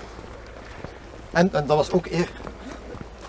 Ja, die dingen die lopen echt onstoemelings. Hè. Het, eh, eh, toevallig kende ik Marianne. Marianne is de vrouw van Wouter de Pre. Mhm. En was ik op een bepaald moment bij hun in de tuin iets aan het drinken. En vertelde ik over, toen was mijn eerste vage boekplan. Eh, en die zei van, ah, maar je moet daar eens met Lieven over hebben. Lieve Scher. Mhm. Dus ik stuur een mailtje naar Lieve en die zegt ja, kom eens af. We gaan eh, een koffie drinken. Dus ik ga een koffie drinken met Lieve. En ja, die was, was heel enthousiast. En ik denk een week later kreeg ik plots een mail van eh, de bezige bij. Of ik eens wou komen praten. Eh, en dus ik ga daar naartoe en die zei ja, Lieve heeft, je- heeft ons gevraagd om jou te contacteren. Naar het schijnt heb je ben je met iets interessants bezig. Ja, ik ben naar buiten gestapt met een contract. Dan dacht ik dat, Dat ging, eh, ging snel. vlotjes. Oh, nu moet ik het ook echt schrijven. Ik heb Ja. nog nooit iets geschreven. Shit, wat ga ik doen? En hoe ging dat dan? Eh, dat, dat ging. Dat, dat ging. Ik had toen een, een, een zeer goede redactrice, E- Eva Bergmans. Ja, Je staat kent haar. gekend in. Ik ken Ja. haar niet persoonlijk, maar ze ze is Zij, gekend zij in het heeft milieu. mij eh, leren schrijven. Ze heeft echt, en denk ik, om de twee weken gingen wij koffie drinken en bespraken we alles wat ik tot die tijd geschreven had. En zei ze, Wauw. ja, dit is bagger, dit moet eruit, dit is ballast, dit is goed, zo moet je verder. Ja, ze heeft mij toen een soort, eh, eh, ik zal er haar eeuwig dankbaar voor blijven, een soort eh, crash course schrijven gegeven. En met resultaat, want Oogklep denk je is een bestseller in Vlaamse normen geworden. Ehm 20.000 zei je daar straks. Hè? Ja, zoiets. Ik weet het niet. Het is ook vertaald in het Duits. Dus Ja. ik nog een. Ik weet ook niet precies hoeveel. Ja. Maar in ieder geval, ja, ik kan daar niet over klagen. Dat is een zeer mooie. Ja, dat heeft zeer goed verkocht. En dat heeft jou denk ik ook op het eh, pad gezet dan om verder met dat schrijven iets te doen. Eh, ja, ik heb nog een tijd halftijds gewerkt daarna. En nu, twee, drie jaar geleden, heb ik besloten om voltijds schrijver te zijn. Wat een beslissing. Wat een moedige beslissing. Hè? Ja, en eigenlijk ook niet. In die zin dat ik wel merkte van, goh, er is genoeg vraag naar wat ik doe. En ja, ik ben, ik ben niet het type om voor een baas te werken. Ik ben veel te eigen gereid. En eigenlijk wat ik wil is eh, eh, in mijn leven mijn nieuwsgierigheid kunnen volgen. En als je daarvoor betaald kunt worden, is dat natuurlijk fantastisch. Dus eh, dat, dat geluk heb ik dan dat ik doe waar ik, wat ik het liefste doe. En dat ik dan uiteindelijk daarvoor betaald word. Het is, het is wel interessant dat je zegt van kijk, ik wil mijn nieuwsgierigheid kunnen volgen en het lijkt dan alsof dat werken voor een baas niet in dat plaatje past. Dat zou je nieuwsgierigheid afremmen, dat concludeer ik uit wat dat je net zegt.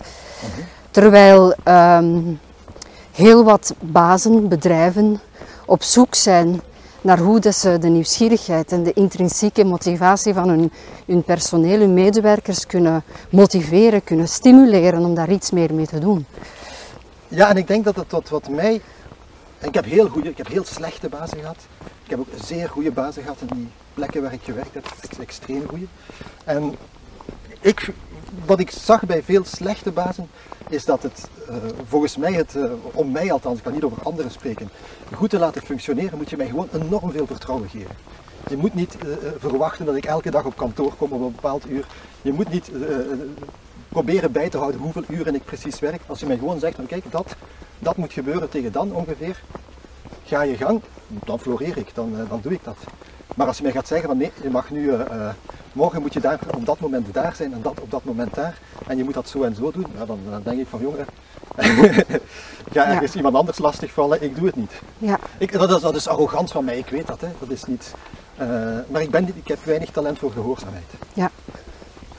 En ik denk dat de meeste creatieve mensen dat ook niet hebben en daarom minder goed functioneren in, uh, in een typische hiërarchische ja, setting. Ik, ik zou het ook niet kunnen. Ik heb het ook nog nooit gedaan in mijn leven. Dus dat is, uh, um, maar het is een zoeken naar voor die bedrijven hoe dat ze hun, hun uh, medewerkers zover krijgen van ja, te blijven leren uiteindelijk. Hè? Door al de veranderingen die er voortdurend zijn, al de aanpassingen, um, is er een levenslang leren idee gekomen van je moet je altijd blijven bij, um, bij dingen, hoe noemt dat bij? Bij scholen. Bij scholen, ja. Dank u. Um, en, en daarvoor moeten ze opleidingen, moeten ze opleidingen Ja, volgen. ja. En, uh, en daar, ja, daar halen ze dan uiteindelijk niet alles uit wat dat ze hadden gehoopt. Ja.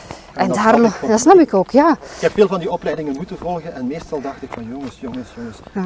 saai. Ja. Ah, Ja, ik, ik word gevraagd om zo'n opleidingen te geven. En dan draait het rond het spreken voor een groep, et cetera. Ehm, maar ik heb al heel eh, snel Les, bij jou komen volgen. les bij mij van je. Ja, ja, ik ben geen leraar. Een opleiding volgend spreken voor een Ja. groep, dan kan ik het nog beter. dat bespreken we na de podcast. Maar ehm, wat ik dus merkte van, van ja, dat, dat marcheert dus niet. Hè. Dus ik heb heel snel gezegd van ehm, eh, ik, eh, ik wil dat deze mensen die in mijn klasje komen te zitten, om het dan zo te zeggen, dat ze er zelf voor kiezen om daar te zijn. Het heeft geen enkele zin om mensen te forceren, om gewoon omdat de baas vindt dat ze dat wel kunnen gebruiken, of omdat er een budget is dat opgemaakt Me- moet worden. Meestal werkt het toch zo, oh we hebben nog zoveel opleidingsbudget Ja. staan, wat gaan we doen? Oh, Ja. oh, wacht even, dat misschien. Ja, kom, we gaan ze allemaal dit laten doen. Ja. En ja, dat is... Dus eh, dat was de eerste stap dat ik had doorgevoerd. De volgende stap was dan van kijk, ik merkte dat er toch nog wat. eh, dat, de volgende stap was dat er dan een soort van intakegesprek zou zijn of een soort van pitch.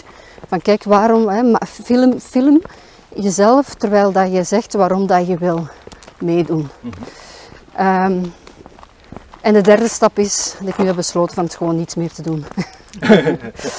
ik denk als iemand geïnteresseerd is, als iemand dat graag wil doen, dan komen ze maar de trainingen volgen die ik aan iedereen geef. En niet meer binnen het bedrijf, binnen, binnen het systeem.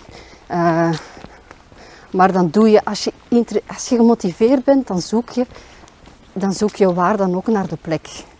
Dan moet dat niet als een dienblad aan u geoffreerd worden, denk ik dan. Nee, en, en wat bij mij het, de, een van de redenen is waarom ik het heel moeilijk heb zelf om een, een opleiding te volgen, eh, waar iemand vooraan staat en dingen zegt, eh, is omdat ik het heel belangrijk vind om te leren in mijn eigen ritme.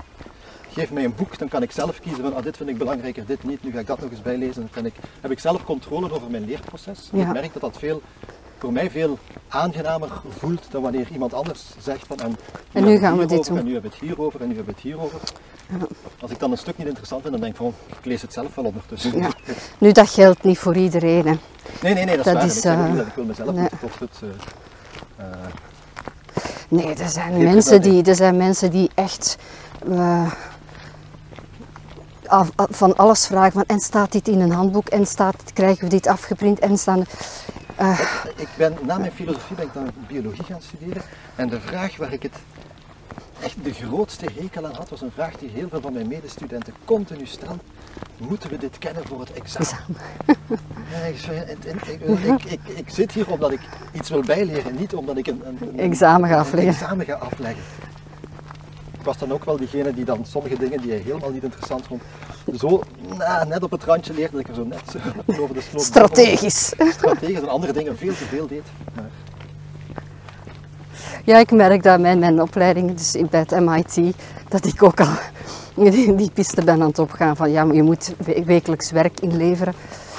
En dan denk ik, ah, ah, en dat wordt dan eh, beoordeeld en je krijgt daar dan punten van. En als je genoeg hebt, dan, dan krijg je dus certificaat. En denk ik van, oh, ik heb dat papier helemaal niet nodig. Eh, ik wil gewoon iets leren. En, en, eh, want ik kan dan zo zitten gefocust geraken op. Hè, ze eh, ze zeggen dan ja, je moet dan letten op de layout die dat wij vragen, dat je die ook zo aanlevert. En dan, dan, word, dan word ik al opstandig. dan, word ik opstandig. hè? Dan denk ik van, ja, ja, ik heb, oh ik heb mannen. dezelfde opstandigheid, maar niet... regels die ik niet als rechtvaardig of, of zinvol percipieer, die kan ik niet volgen.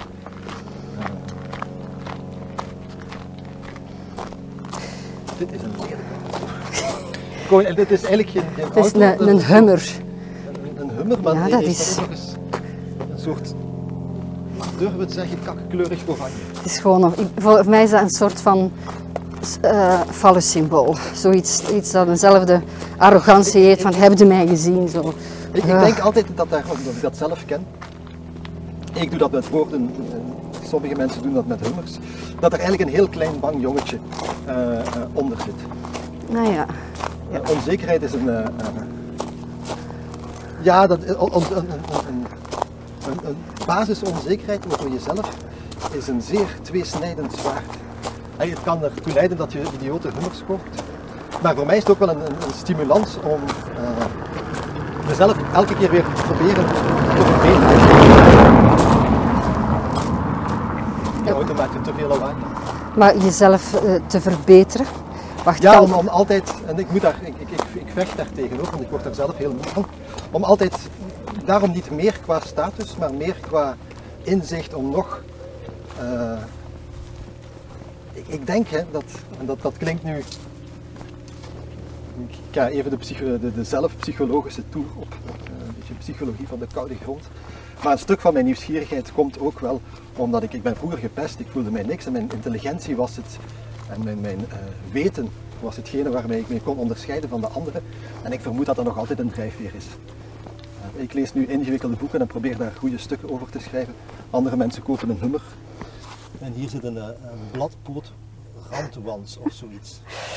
ik had er bijna op getrapt. Ja, Toch weer al gezien, hè? Je ziet veel als je erop let. Nochtans, sommige mensen, sommige gasten, wandelmaatjes, eh, waarmee ik al 10 kilometer gelopen heb, waren erbij die zeiden van ik, ik vind het moeilijk om te praten terwijl ik wandel. Of terwijl ik stap. En want wandelen kan ook wat slenteren zijn en dit is toch wel 10 kilometer stappen dat je moet doen. Ehm, en eh, die persoon die zei van ja, ik kijk eigenlijk liever in uw ogen terwijl ik spreek. Ja, dat is waar, want als je wandelt mis je wel het, eh, een stuk van de communicatie omdat je heel weinig lichaamstaal ziet. Want je moet, wil je niet op je gezicht gaan, kun je best wel af en toe voor jou kijken. Als je nu weet dat is altijd rechtdoor en er zijn geen hobbels, dan kun je wel eens af en toe opzij kijken, maar als je dat te veel doet, kom je toch in de problemen. Ik weet niet of dat ik dat. Ik heb sowieso ook, ook graag een gesprek waarbij we elkaar zien. Ehm, maar ik vind deze manier daarom niet minder interessant. Omdat je meer gefocust kan zijn op het luisteren. En niet afgeleid wordt door lichaamstaal. En nu is het af, ik gebruik het woord afleiden, maar dat dat wil ik eigenlijk niet zeggen. Want je kan misschien beter begrijpen als je iemand zijn lichaamstaal hè, ook ziet, dan kan je ook beter begrijpen. Maar toch, je gaat anders met je woorden om, omdat je naast elkaar stapt, vind ik. En het denken krijgt meer plaats. Ja, ik, eh, ik, wandel wel, ook als ik aan een, een- boek of een artikel bezig ben.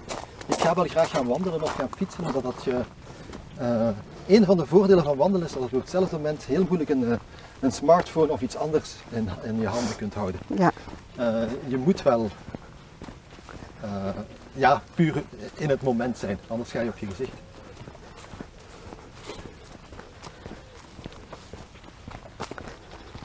Dus dit gesprek had je liever op het terrasje. Op de, Nee, groen, nee, nee, op de mij, groenplaats in Antwerpen. Ja. Nee, nee, voor mij niet, want ik vind het wel leuk dat ik vind het altijd heerlijk om de natuur te zien. Het is niks wat zo rustgevend is eh, als, als gewoon in een groene omgeving zijn en er zijn wat beestjes. En ja, dan ben ik, dan floreer ik.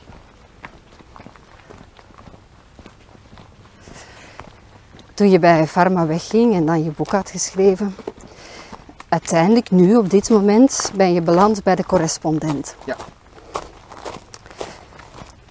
Ja, en ik vind dat een heerlijke plek om, om voor te schrijven. Ik ben, eh, ja, ik vind dat gewoon eh, fantastisch. Eh, dat, ik weet niet of de meeste mensen de correspondent kennen. Wel, vertel het eens, want het is toch wel een bijzondere. vo- Ja, Allee, het het is een is, andere vorm van journalistiek, toch wel? Ja, het is, het is enkel online, dat maakt het al anders. Er is geen correspondent die je in je hand kunt houden, er is geen papieren krant. Maar het, het- ik denk het, het, grote andere, anders dan de andere, is dat het, het plakt niet aan de actualiteit. Ja. Wij brengen de correspondent brengt geen nieuws. Uh, het gaat niet over hoeveel besmettingen waren er uh, deze week of zo, dat, dat, dat, doen wij absoluut niet. Het enige wat we proberen bij de correspondent is dat um, we proberen achtergrond te geven, die context die je nodig hebt om de actualiteit of de wereld te begrijpen. En dat kan heel breed gaan. Dus je hebt een correspondent die enkel schrijft over rouw en rouwverwerking. Maar je hebt ook mensen die puur over uh, Europa en uh, meer standaard thema's schrijven. Betekent dat dat je dan ook de tijd krijgt om een artikel te schrijven? Ja, en dat is het grote verschil, denk ik, of als, als journalistieke journalist is dat de reden waarom het zo aangenaam is. Je krijgt echt de tijd. Ik, uh, krijg, je krijgt wel deadlines natuurlijk, maar je krijgt een heel grote vrijheid in hoe je. Uh, dus elke correspondent krijgt een thema, wat je eigenlijk zelf kiest, uh, in grote lijnen. En binnen dat thema ben je eigenlijk heel vrij om te doen wat je wil. Je moet gewoon dat thema exploreren. Dat is ook echt een, een zoektocht. Je kunt dat ook zo presenteren als je, aan je lezers. Van oké, ik dacht ooit dat, maar nu heb ik dat en dat gelezen, nu denk ik dat. Um, en ja, je schrijft wat je schrijft. Is dat een lang stuk goed, is dat een kort stuk ook goed. Je hebt, krijgt daar heel veel vrijheid in. Je wordt ook niet per stuk betaald, maar je wordt een vast bedrag per maand om uh, te schrijven. Ja. Veronderstel dat ze het wel gaan komen zeggen als ik te weinig schrijf. Dat hebben ze tot nu toe nog nooit gedaan. Um, maar soms schrijf je veel en soms schrijf je minder. En dat is, je kunt daar heel hard je eigen ritme in volgen. Er is, ik heb het gevoel dat daar een ander soort journalisten zitten. Dat daar, ja, dat jullie andersdenkers zijn. Ja, ja, zeker iemand als Rutger kun je wel. Uh, ja, die, die, die, oh, die, die, die, denkt wel anders of die probeert wel een. Uh, ja, die heeft wel af en toe een beetje goeroe-neigingen. Ja, ja. Is, uh, is ook geen filosoof? Dat is ook een filosoof. Ja, het zit, zit vol filosoof. Hij is ook geschiedkundige, denk ik. Ja, Wijnberg, de oprichter, is ook een filosoof. Het, zit, het zitten nogal veel filosofen. Um, ook wat incest, hè? Ja, ja, ja, natuurlijk. en je beseft dat ook, want wat ook vrij uniek is denk ik aan de correspondent, is dat we echt onder onze stukken, en uh, dat is ook echt een van je taken als correspondent om in discussie te gaan met de lezers. Dus onder onze stukken komen uh, heel veel commentaren vaak, en, ja, vragen en ja. opmerkingen. Maar meestal zijn die van een enorm hoog niveau en dan merk je ook wel, dan besef je ook wel van kijk, wij spelen echt wel voor de hoogopgeleide minderheid. En dat is zo, dat is jammer genoeg. is dat het geval? Ik zou heel graag eigenlijk, en ik ga Dimitri uh, Antonissen. Als ik nog eens tijd heb, ga ik het toch eens doen, denk ik, en een mailtje sturen. Dat is de hoofdredacteur van het laatste nieuws. Ik zou heel graag een, als ik dan toch eens een opiniestuk zou schrijven, zou ik heel graag een vast opiniestuk schrijven in het laatste nieuws. En waarom? Waarom? Omdat dat natuurlijk de plek is waar je. Ik ben het soms wel een beetje beu om enkel voor de intellectuele toplaag, de hoogopgeleide te schrijven. Ik zou ook wel eens breder willen gaan. Natuurlijk, er zijn dan thema's die je moeilijk uh, uh, uitgelegd krijgt. Maar er zijn ook wel heel veel dingen die je wel kunt uitleggen van je denkt van ja eigenlijk dat is de, de meerderheid van de mensen. En ik kijk daar niet op neer, ik bedoel, dat is geen, uh, um, dat is gewoon zo. Maar dat zijn de mensen die je uh, ook dingen zou moeten proberen uit te leggen. Ik ben eigenlijk een soort missionaris denk ik. Als missionaris wil je missionaris van de... Dus iedereen bekeren. ja, missionaris van het genuanceerd denken. En ik wil daar inderdaad iedereen mee bereiken. En dan weet je bij de correspondent, ook al is dat voor mezelf een zeer aangename plek om te werken, het blijft toch een beetje een, een elitair bendeke. Ja. Jammer genoeg. Was, was ook de, een van de eerste met het, uh, het nieuwe verdienmodel voor de, voor de journalistiek. Ja. Hè? ja, dus we hebben uh, leden, heet dat dan. Hè? Dus uh, je betaalt een vast bedrag per jaar en dan ja, krijg je toegang tot de website. Ja. Ik laat de wagen even passeren.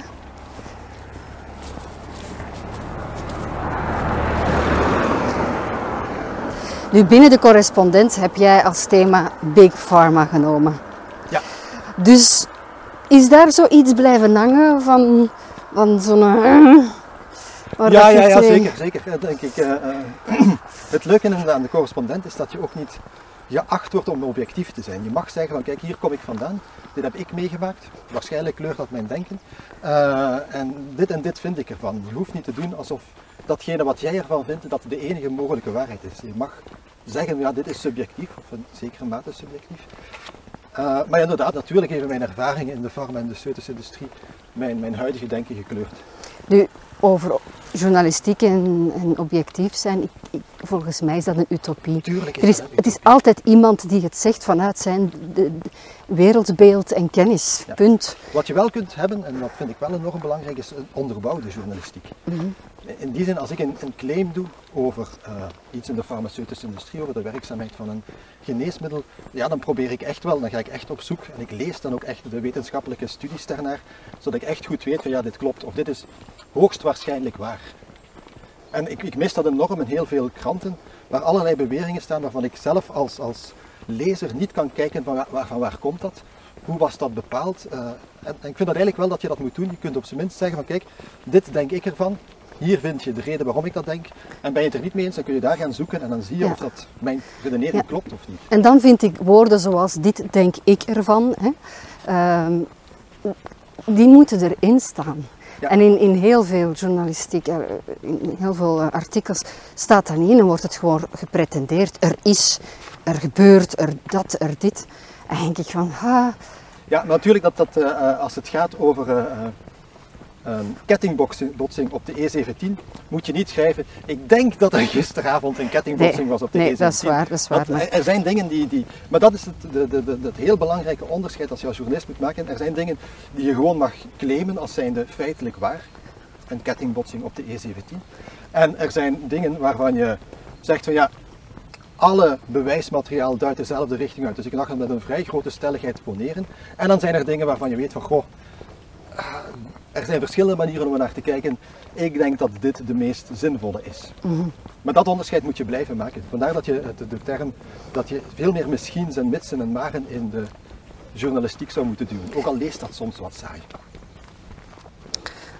Dus eigenlijk als je een eh, journalist wil volgen, geloven, is het ook omdat je hem vertrouwt.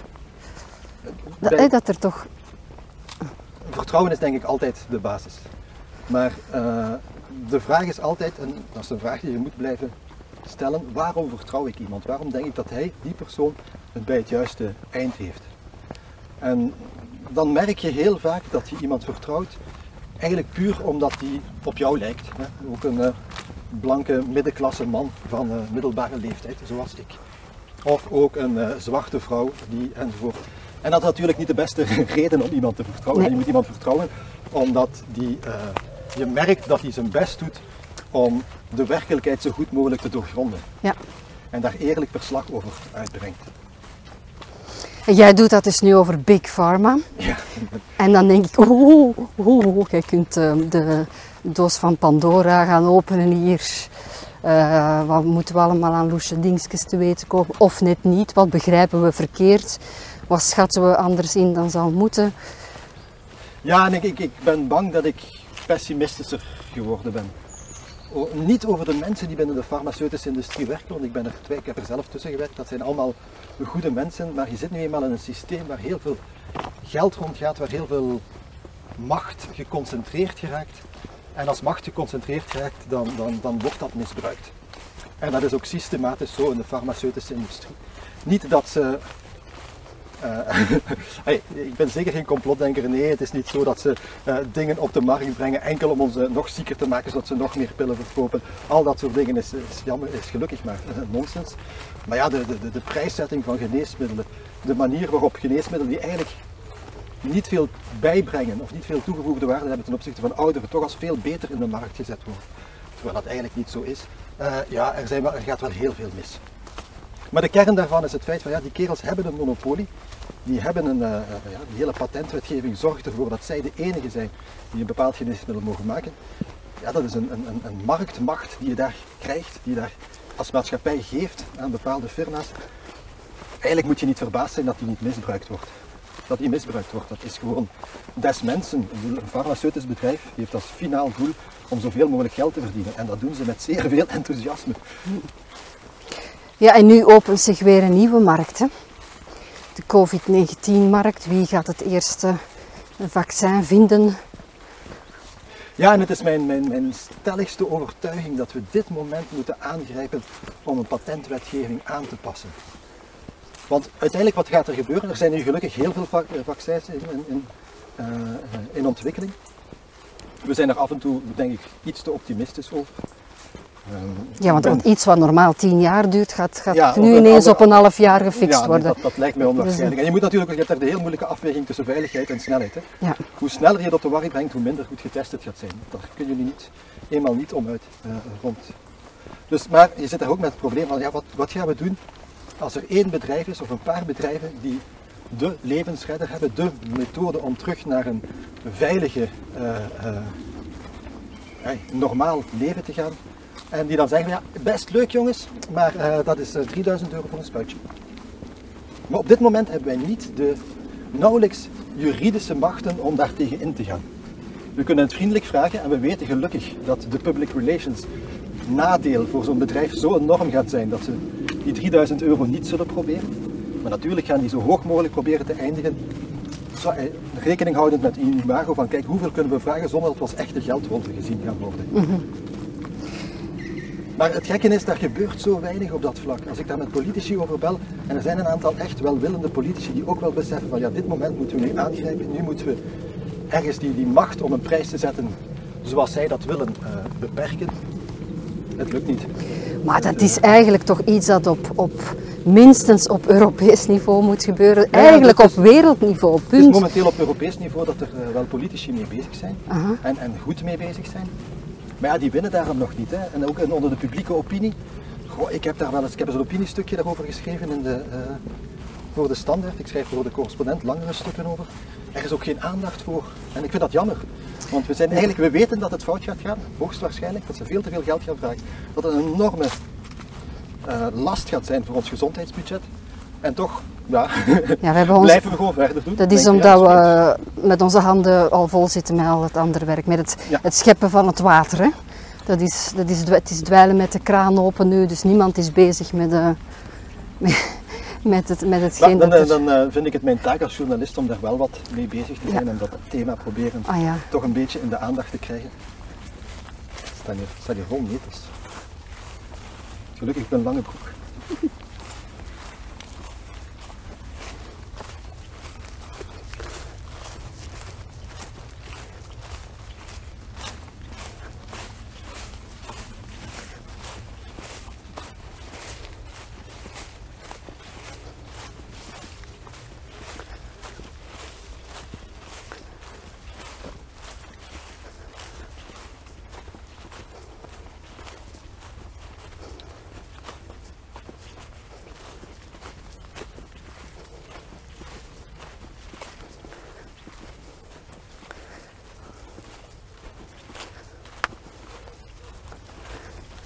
Echt wel pokken warm aan het worden nu, hè. Oeh. Het gaat nog. Het is, eh, wat zou het zijn? 22, 23 graden. Het valt nog mee.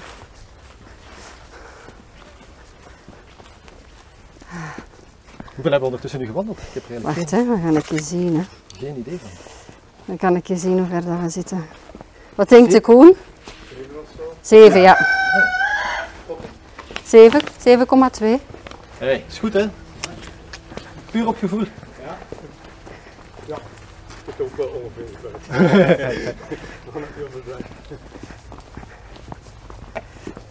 Jij wou even het geluid van de benen die door. Ja, ja, Ik dacht het. dat had ik nog niet lang genoeg.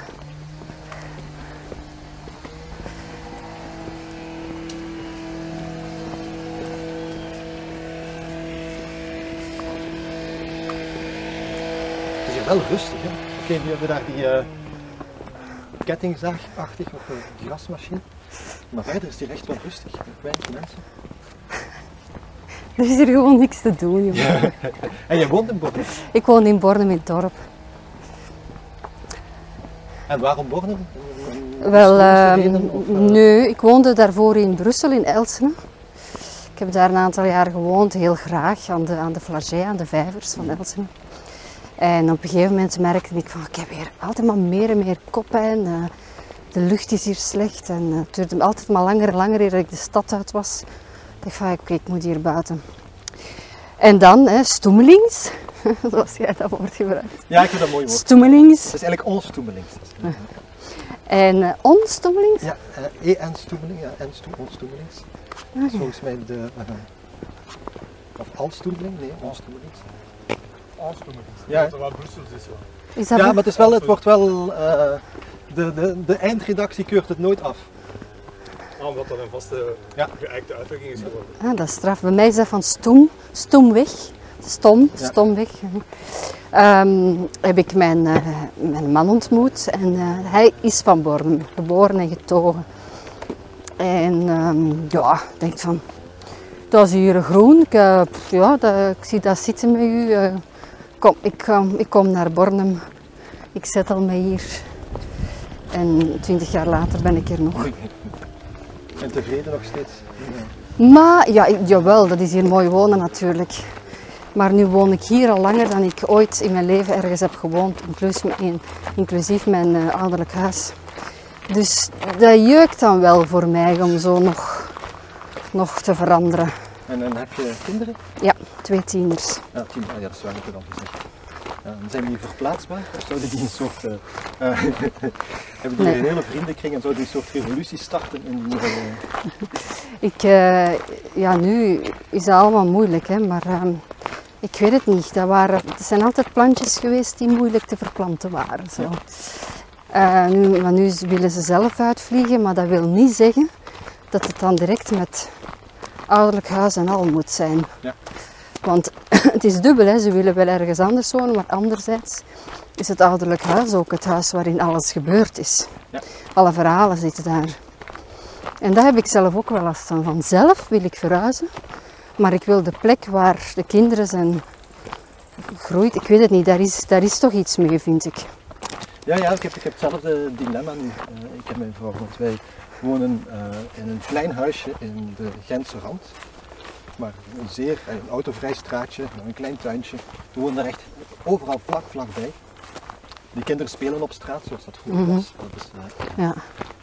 en zeker mijn zoontje is vier, dus voor hem is dat fantastisch dat hij een soort eh, straat heeft waar hij nog met andere vriendjes Ja. gewoon samen kan spelen. En mijn dochter heeft ook altijd gespeeld.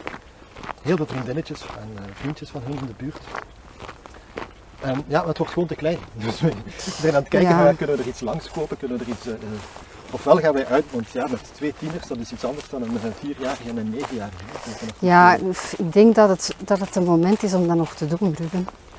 Want ze hebben nu wel veel vriendjes en zo, maar ze zijn nog ook nog heel flexibel. ja, ja, ja. En, en de veranderingen, als ze naar de, de lager en dan zeker naar het middelbaar, daar gebeuren de grote shifts in, in wat er met de peers en de leeftijdsgenoten en zo gebeurt.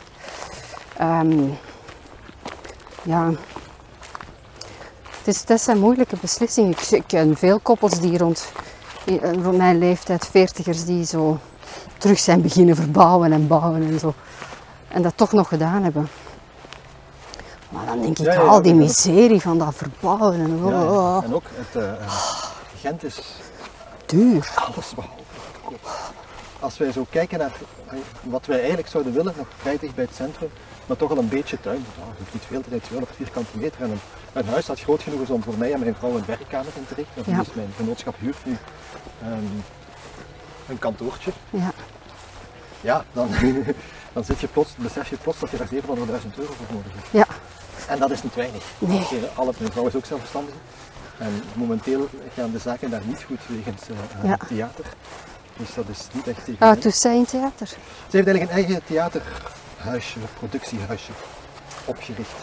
En ze maken eigenlijk alleen maar eh, één op één theater. En eigenlijk eh, hun baseline is eh, theatrale ondersteuning voor emoties en aanverwanten. Wat is één op één theater? Dat? Eh, ze hebben bijvoorbeeld, ik zal een, een, een voorbeeld geven, de Troostwinkel. Dat is eigenlijk een soort winkeltje waar je dan naartoe, staan op festivals en zo, niet op wat toegestaan op Theater aan Zee. Dat zijn wel, wel mooie plekken. En daar ga je naartoe en dan is de vraag, er staan twee winkeljuffrouwen die dan vragen wat je, wat je nodig hebt. Dan is er zo'n kort gesprekje over wat je nodig hebt in het leven. Dan hebben ze eigenlijk allemaal ja, eh eh, lucifersdoosjes of zakjes. Bijvoorbeeld een lucifersdoosje met eh, even helemaal niets. Je kunt daar ook voert op rol kopen. Dus kun je kijken, ja, ik wil 30 centimeter voert.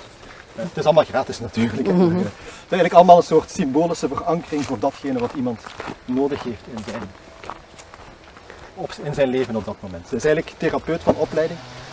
En ze, Ze heeft daar het de- theatrale aan ze gekoppeld. zoekt eigenlijk de, de, de, de, eh, de grens tussen het eh, therapeutische, wat toch een, een, een setting is die meestal heel erg veel angst aanjaagt. Hè. Dat- Je moet al dadelijk een afspraak maken, dat kost veel geld.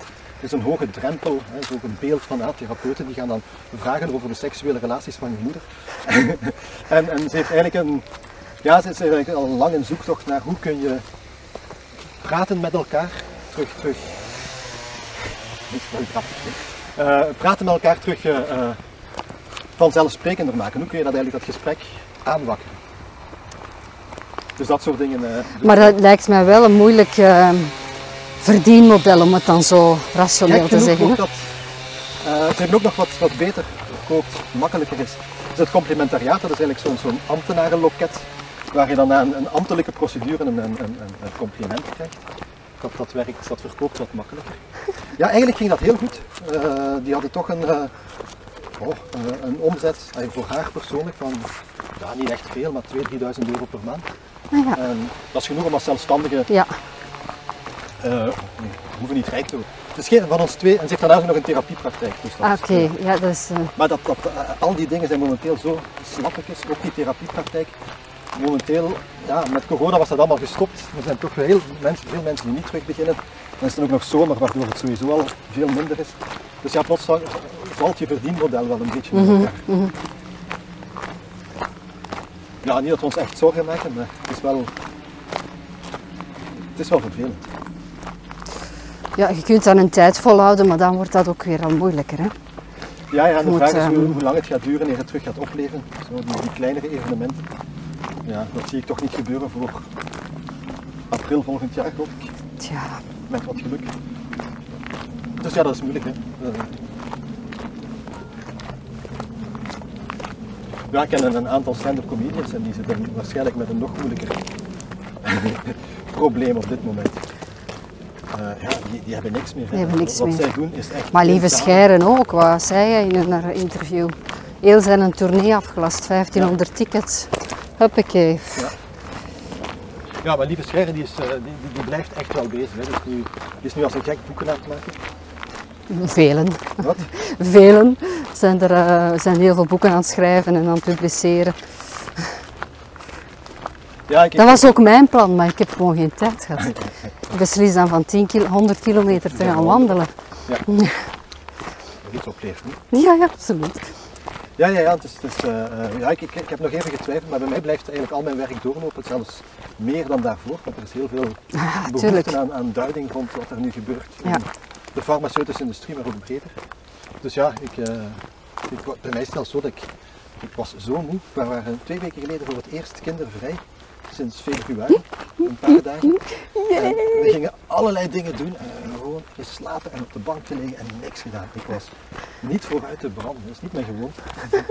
Maar ik, ben, ik heb echt een paar dagen een totale, absolute eh, eh, stilte. Niks. Het, het grote niets omarmen.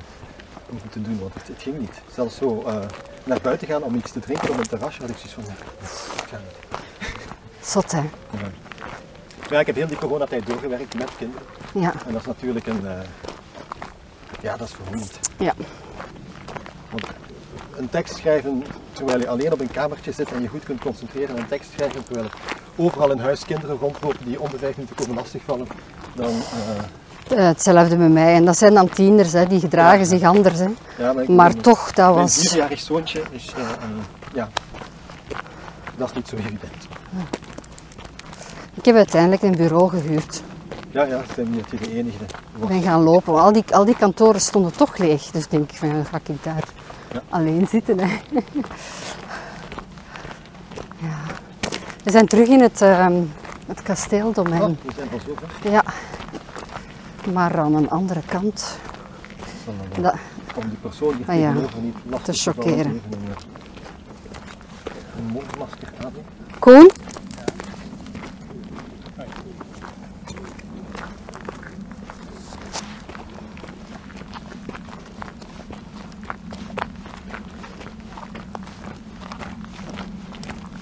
Koen? En mijn neus begint alweer te jeuken. Is dat wat? Ik was eh, twee weken geleden naar de fitness ja, terug beginnen gaan, omdat ze open waren. En eh, ik had een kriebel in mijn eh, keel gekregen. En ik had zo gehoest, maar zo, dat ging allemaal zo snel. En ik, oh shit. Ik voelde mij direct een crimineel die buiten gezet zou worden. Dus ja, dus er is, eh, dat is toch een beetje 1984 wat dat betreft, vind ik. Zo. Heb je dat boek ooit gelezen? Ja, het is, een, en het is ook geen makkelijke afweging. Hè. Ik heb, ik heb zo'n aantal voor de correspondent, een aantal gezondheidseconomen geïnterviewd over de vraag van ja, hoe beslis je niet over zijn deze maatregelen goed of slecht, maar hoe beslis je, hoe denk je na over de vraag of deze maatregelen goed of slecht zijn. Want je hebt een onmiddellijke impact, hopen we, tenminste, op het aantal besmettingen, dus het aantal doden op korte termijn. Maar je weet ook wel dat je een enorme impact hebt op, op, op langere termijn, eh, economisch, eh, eh, zelfs qua gezondheidszorg, want er zijn heel veel eh, normale zorg is uitgesteld, iets wat ook zijn slachtoffers zijn. En ja, ik vond het wel heel fascinerend, omdat je dan ook, zeker hun teneur was toch vaak van, goh, we weten het eigenlijk niet, maar we kunnen vermoeden dat we in dit geval die maatregelen nog, nog uiteindelijk eh, een voordeel oplevert. Maar in een derde wereldsetting ligt dat weer helemaal anders. Als je daar de cijfers leest, en ik vind dat eigenlijk hoe navelstaardiger, hoe navelstaardig we geworden zijn tijdens deze crisis, dat waren we altijd al, maar nu is het nog erger, oh, er gebeurt ons iets. 1,4 miljoen extra doden aan tuberculose, omdat die hele diagnose en behandeling eigenlijk in een derde wereldsetting totaal op zijn gat ligt. Ik bedoel, 1,4 miljoen, Ja. dat zijn, dat zijn getallen, daar komt COVID voorlopig nog niet, misschien wel, dus- maar voorlopig komt COVID wel Ja, maar dat is ook weer hetzelfde, het in perspectief zetten van de dingen. Hè. Het uitzoomen en kijken naar, ja oké, wij zitten nu bezig met je COVID. Eh, we hebben heel vaak de Spaanse griep erbij gehaald, van kijk, een beetje realistisch zijn. Dit is, eh, maar toch, hè, toch blijven we Ja, geobsedeerd door dat ene ding. ja en, en, en, en blijven we zo geobsedeerd door ons eigen probleem hier in het, eh, in het rijke Westen. Terwijl er plekken zijn waar dat, die, die, die afweging totaal anders is. Ja. En waar eigenlijk het, eh, eh, ja, de ellende die de, de maatregelen aantre- eh, aanrichten, waarschijnlijk groter zijn dan de voordelen die die maatregelen hebben. Niet dat we dat met zekerheid weten, want dat is het grote probleem natuurlijk. Het is zo'n nieuw virus, we weten niet veel met zekerheid. Heb jij de opkomst van HIV bewust meegemaakt? Want wacht, je, zei, Eh, je zei wel een paar jaar jonger dan ik, denk ik. Ik ben van 76, dus ik heb die eigenlijk Vijf jaar jonger. Dus, dus een beetje. Al beter, ik ben er wel heel snel heel actief bij betrokken geweest, aangezien ik voor een firma gewerkt heb die eh, onderzoek deed naar, naar aidsremmers. Dus ik wist, Ja, ik ken nog altijd wel redelijk wat van HIV. Ik kan je nog altijd alle genen opnoemen, als dat nu. Maar wat mij daar fascinerend is, dat is zo'n HIV-virus, dat is poepsimpel. Hè? Dat is een beetje RNA, het is een RNA-virus. Je kunt dat eigenlijk, dat hele RNA kun je uitprinten. Je kunt dat als je echt je moeite doet, ga je dat van buiten geleerd krijgen. En toch begrijpen we zo weinig wat er precies gebeurt als zo'n ding, zo'n klein beetje informatie in een mensenlichaam terechtkomt. Toen ik ben daar beginnen werken in 2000, toen waren ze eigenlijk al 20 jaar met duizenden mensen onderzoek aan het doen naar zo'n heel klein stom virus. En we wisten nog maar een heel, heel, heel klein beetje. En als mensen nu verwachten dat we na een half jaar enorm veel weten over SARS-CoV-2, dan ben ik toch bang dat ze eh, Dat we naïef zijn. dat we heel erg naïef zijn. We weten vreselijk veel niet. En het zal ook nog niet voor onmiddellijk zijn. Zo werkt wetenschap is een heel traag, een heel fantastisch, maar wel een heel traag proces. Het is niet zo dat je op een knop kunt duwen en er komen zo van, ah, ah ja, daar komt de kennis. Nee, dat is een heel lang proces van vallen en opstaan en heel veel moeite en gepruts en verkeerde wegen inslaan en dan toch weer langzaam, langzaam een beetje meer inzicht verwerven. Maar snel gaat dat niet. Er is nog eh, één werk dat ik je wil laten zien. Het ligt daar.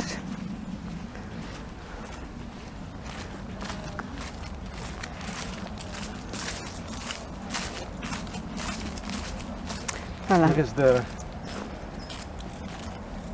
Ik vind dat mooi. De, de, de aarde is hier dichtgenaaid met een grove steek. Dat is gescheurd en wordt geheeld. Het is alleen nog niet helemaal af. Het laatste stukje moet nog eh, verder dichtgemaakt worden. Was het maar zo makkelijk om de aarde te repareren? Dat zou leuk zijn, hè? dat we gewoon maar naald en draad moesten pakken en een of andere sterke oma er aanzetten en zeggen van kijk jongen, naai dat nu eens terug dicht. Het is een elektriciteitsdraad. Verandert dat, eh, ja. Ja, het is een, eh, zou dat nu gewoon gekozen zijn omdat dat stevig is met plastic omringd en toch nog eh, flexibel? Of zou dat eh, eh, een, een, zou een, een diepere betekenis hebben? Elektriciteit heelt de wereld. Wat zou jij het liefste hebben?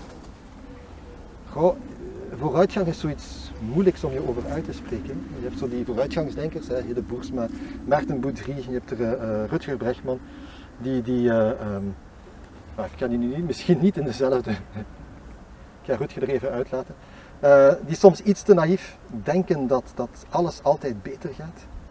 En dat klopt wel, er zijn best veel dingen die, die, die veel beter gaan, maar de, de zekerheid waarmee zij dat claimen, vooruitgang is ook zoiets breeds, je kunt je altijd de vraag stellen of, of datgene wat je in data vat, of dat het hele verhaal is. En ik denk soms als we eh, proberen te bepalen of vooruitgang er al dan niet vooruitgang is, of de wereld er beter aan toe is dan vroeger of niet, ja, het is maar wat je bekijkt natuurlijk. Hè. Er zijn heel veel dingen die je zou kunnen bekijken. En sommige parameters doen we het enorm goed, en andere parameters, zeker als het over de toekomst van de planeet gaat, eh, gaat het toch net iets minder, Ja. jammer genoeg. Dus als we kijken naar dit werk, de wonde wordt genaaid door een elektriciteitsdraad. Het eerste werk dat we za- zagen was de hooibaal met dan het haakwerk er rond in van die, dat ruw touw, pijnlijk touw. Is het de elektriciteitsdraad of het touw waarmee je de wonde het liefste zou helen? Goh, eh, die elektriciteitsdraad, toch, geef mij toch maar de elektriciteitsdraad. Ik ben ook wel een, een stiekem een beetje een, een vooruitgangsdenker. Misschien niet omdat ik denk dat de feiten dat heel hard aantonen, maar omdat ik, als we allemaal gaan roepen dat het naar de kloten is, doen we natuurlijk ook maar niks. Dus we Niks, moeten op, ja. optimism as a moral duty. Ja, We, we moeten optimistisch zijn en laten we maar hopen dat die techniek ons toch iets kan leveren waardoor we eh, de planeet, dat, we- dat, dat we ons huidige welvaartsniveau kunnen houden en toch de planeet kunnen redden. Maar zeker ben ik daar niet van. ja. Maar daarvoor ben je natuurlijk niet te nieuwsgierig om Ja, zeker ik, te eh, weten. ik, ik ben nooit van iets zeker. Dat is ook wel onhandig in het, eh, in het leven natuurlijk. Kom, we gaan naar huis. Ja, die richting. Ja,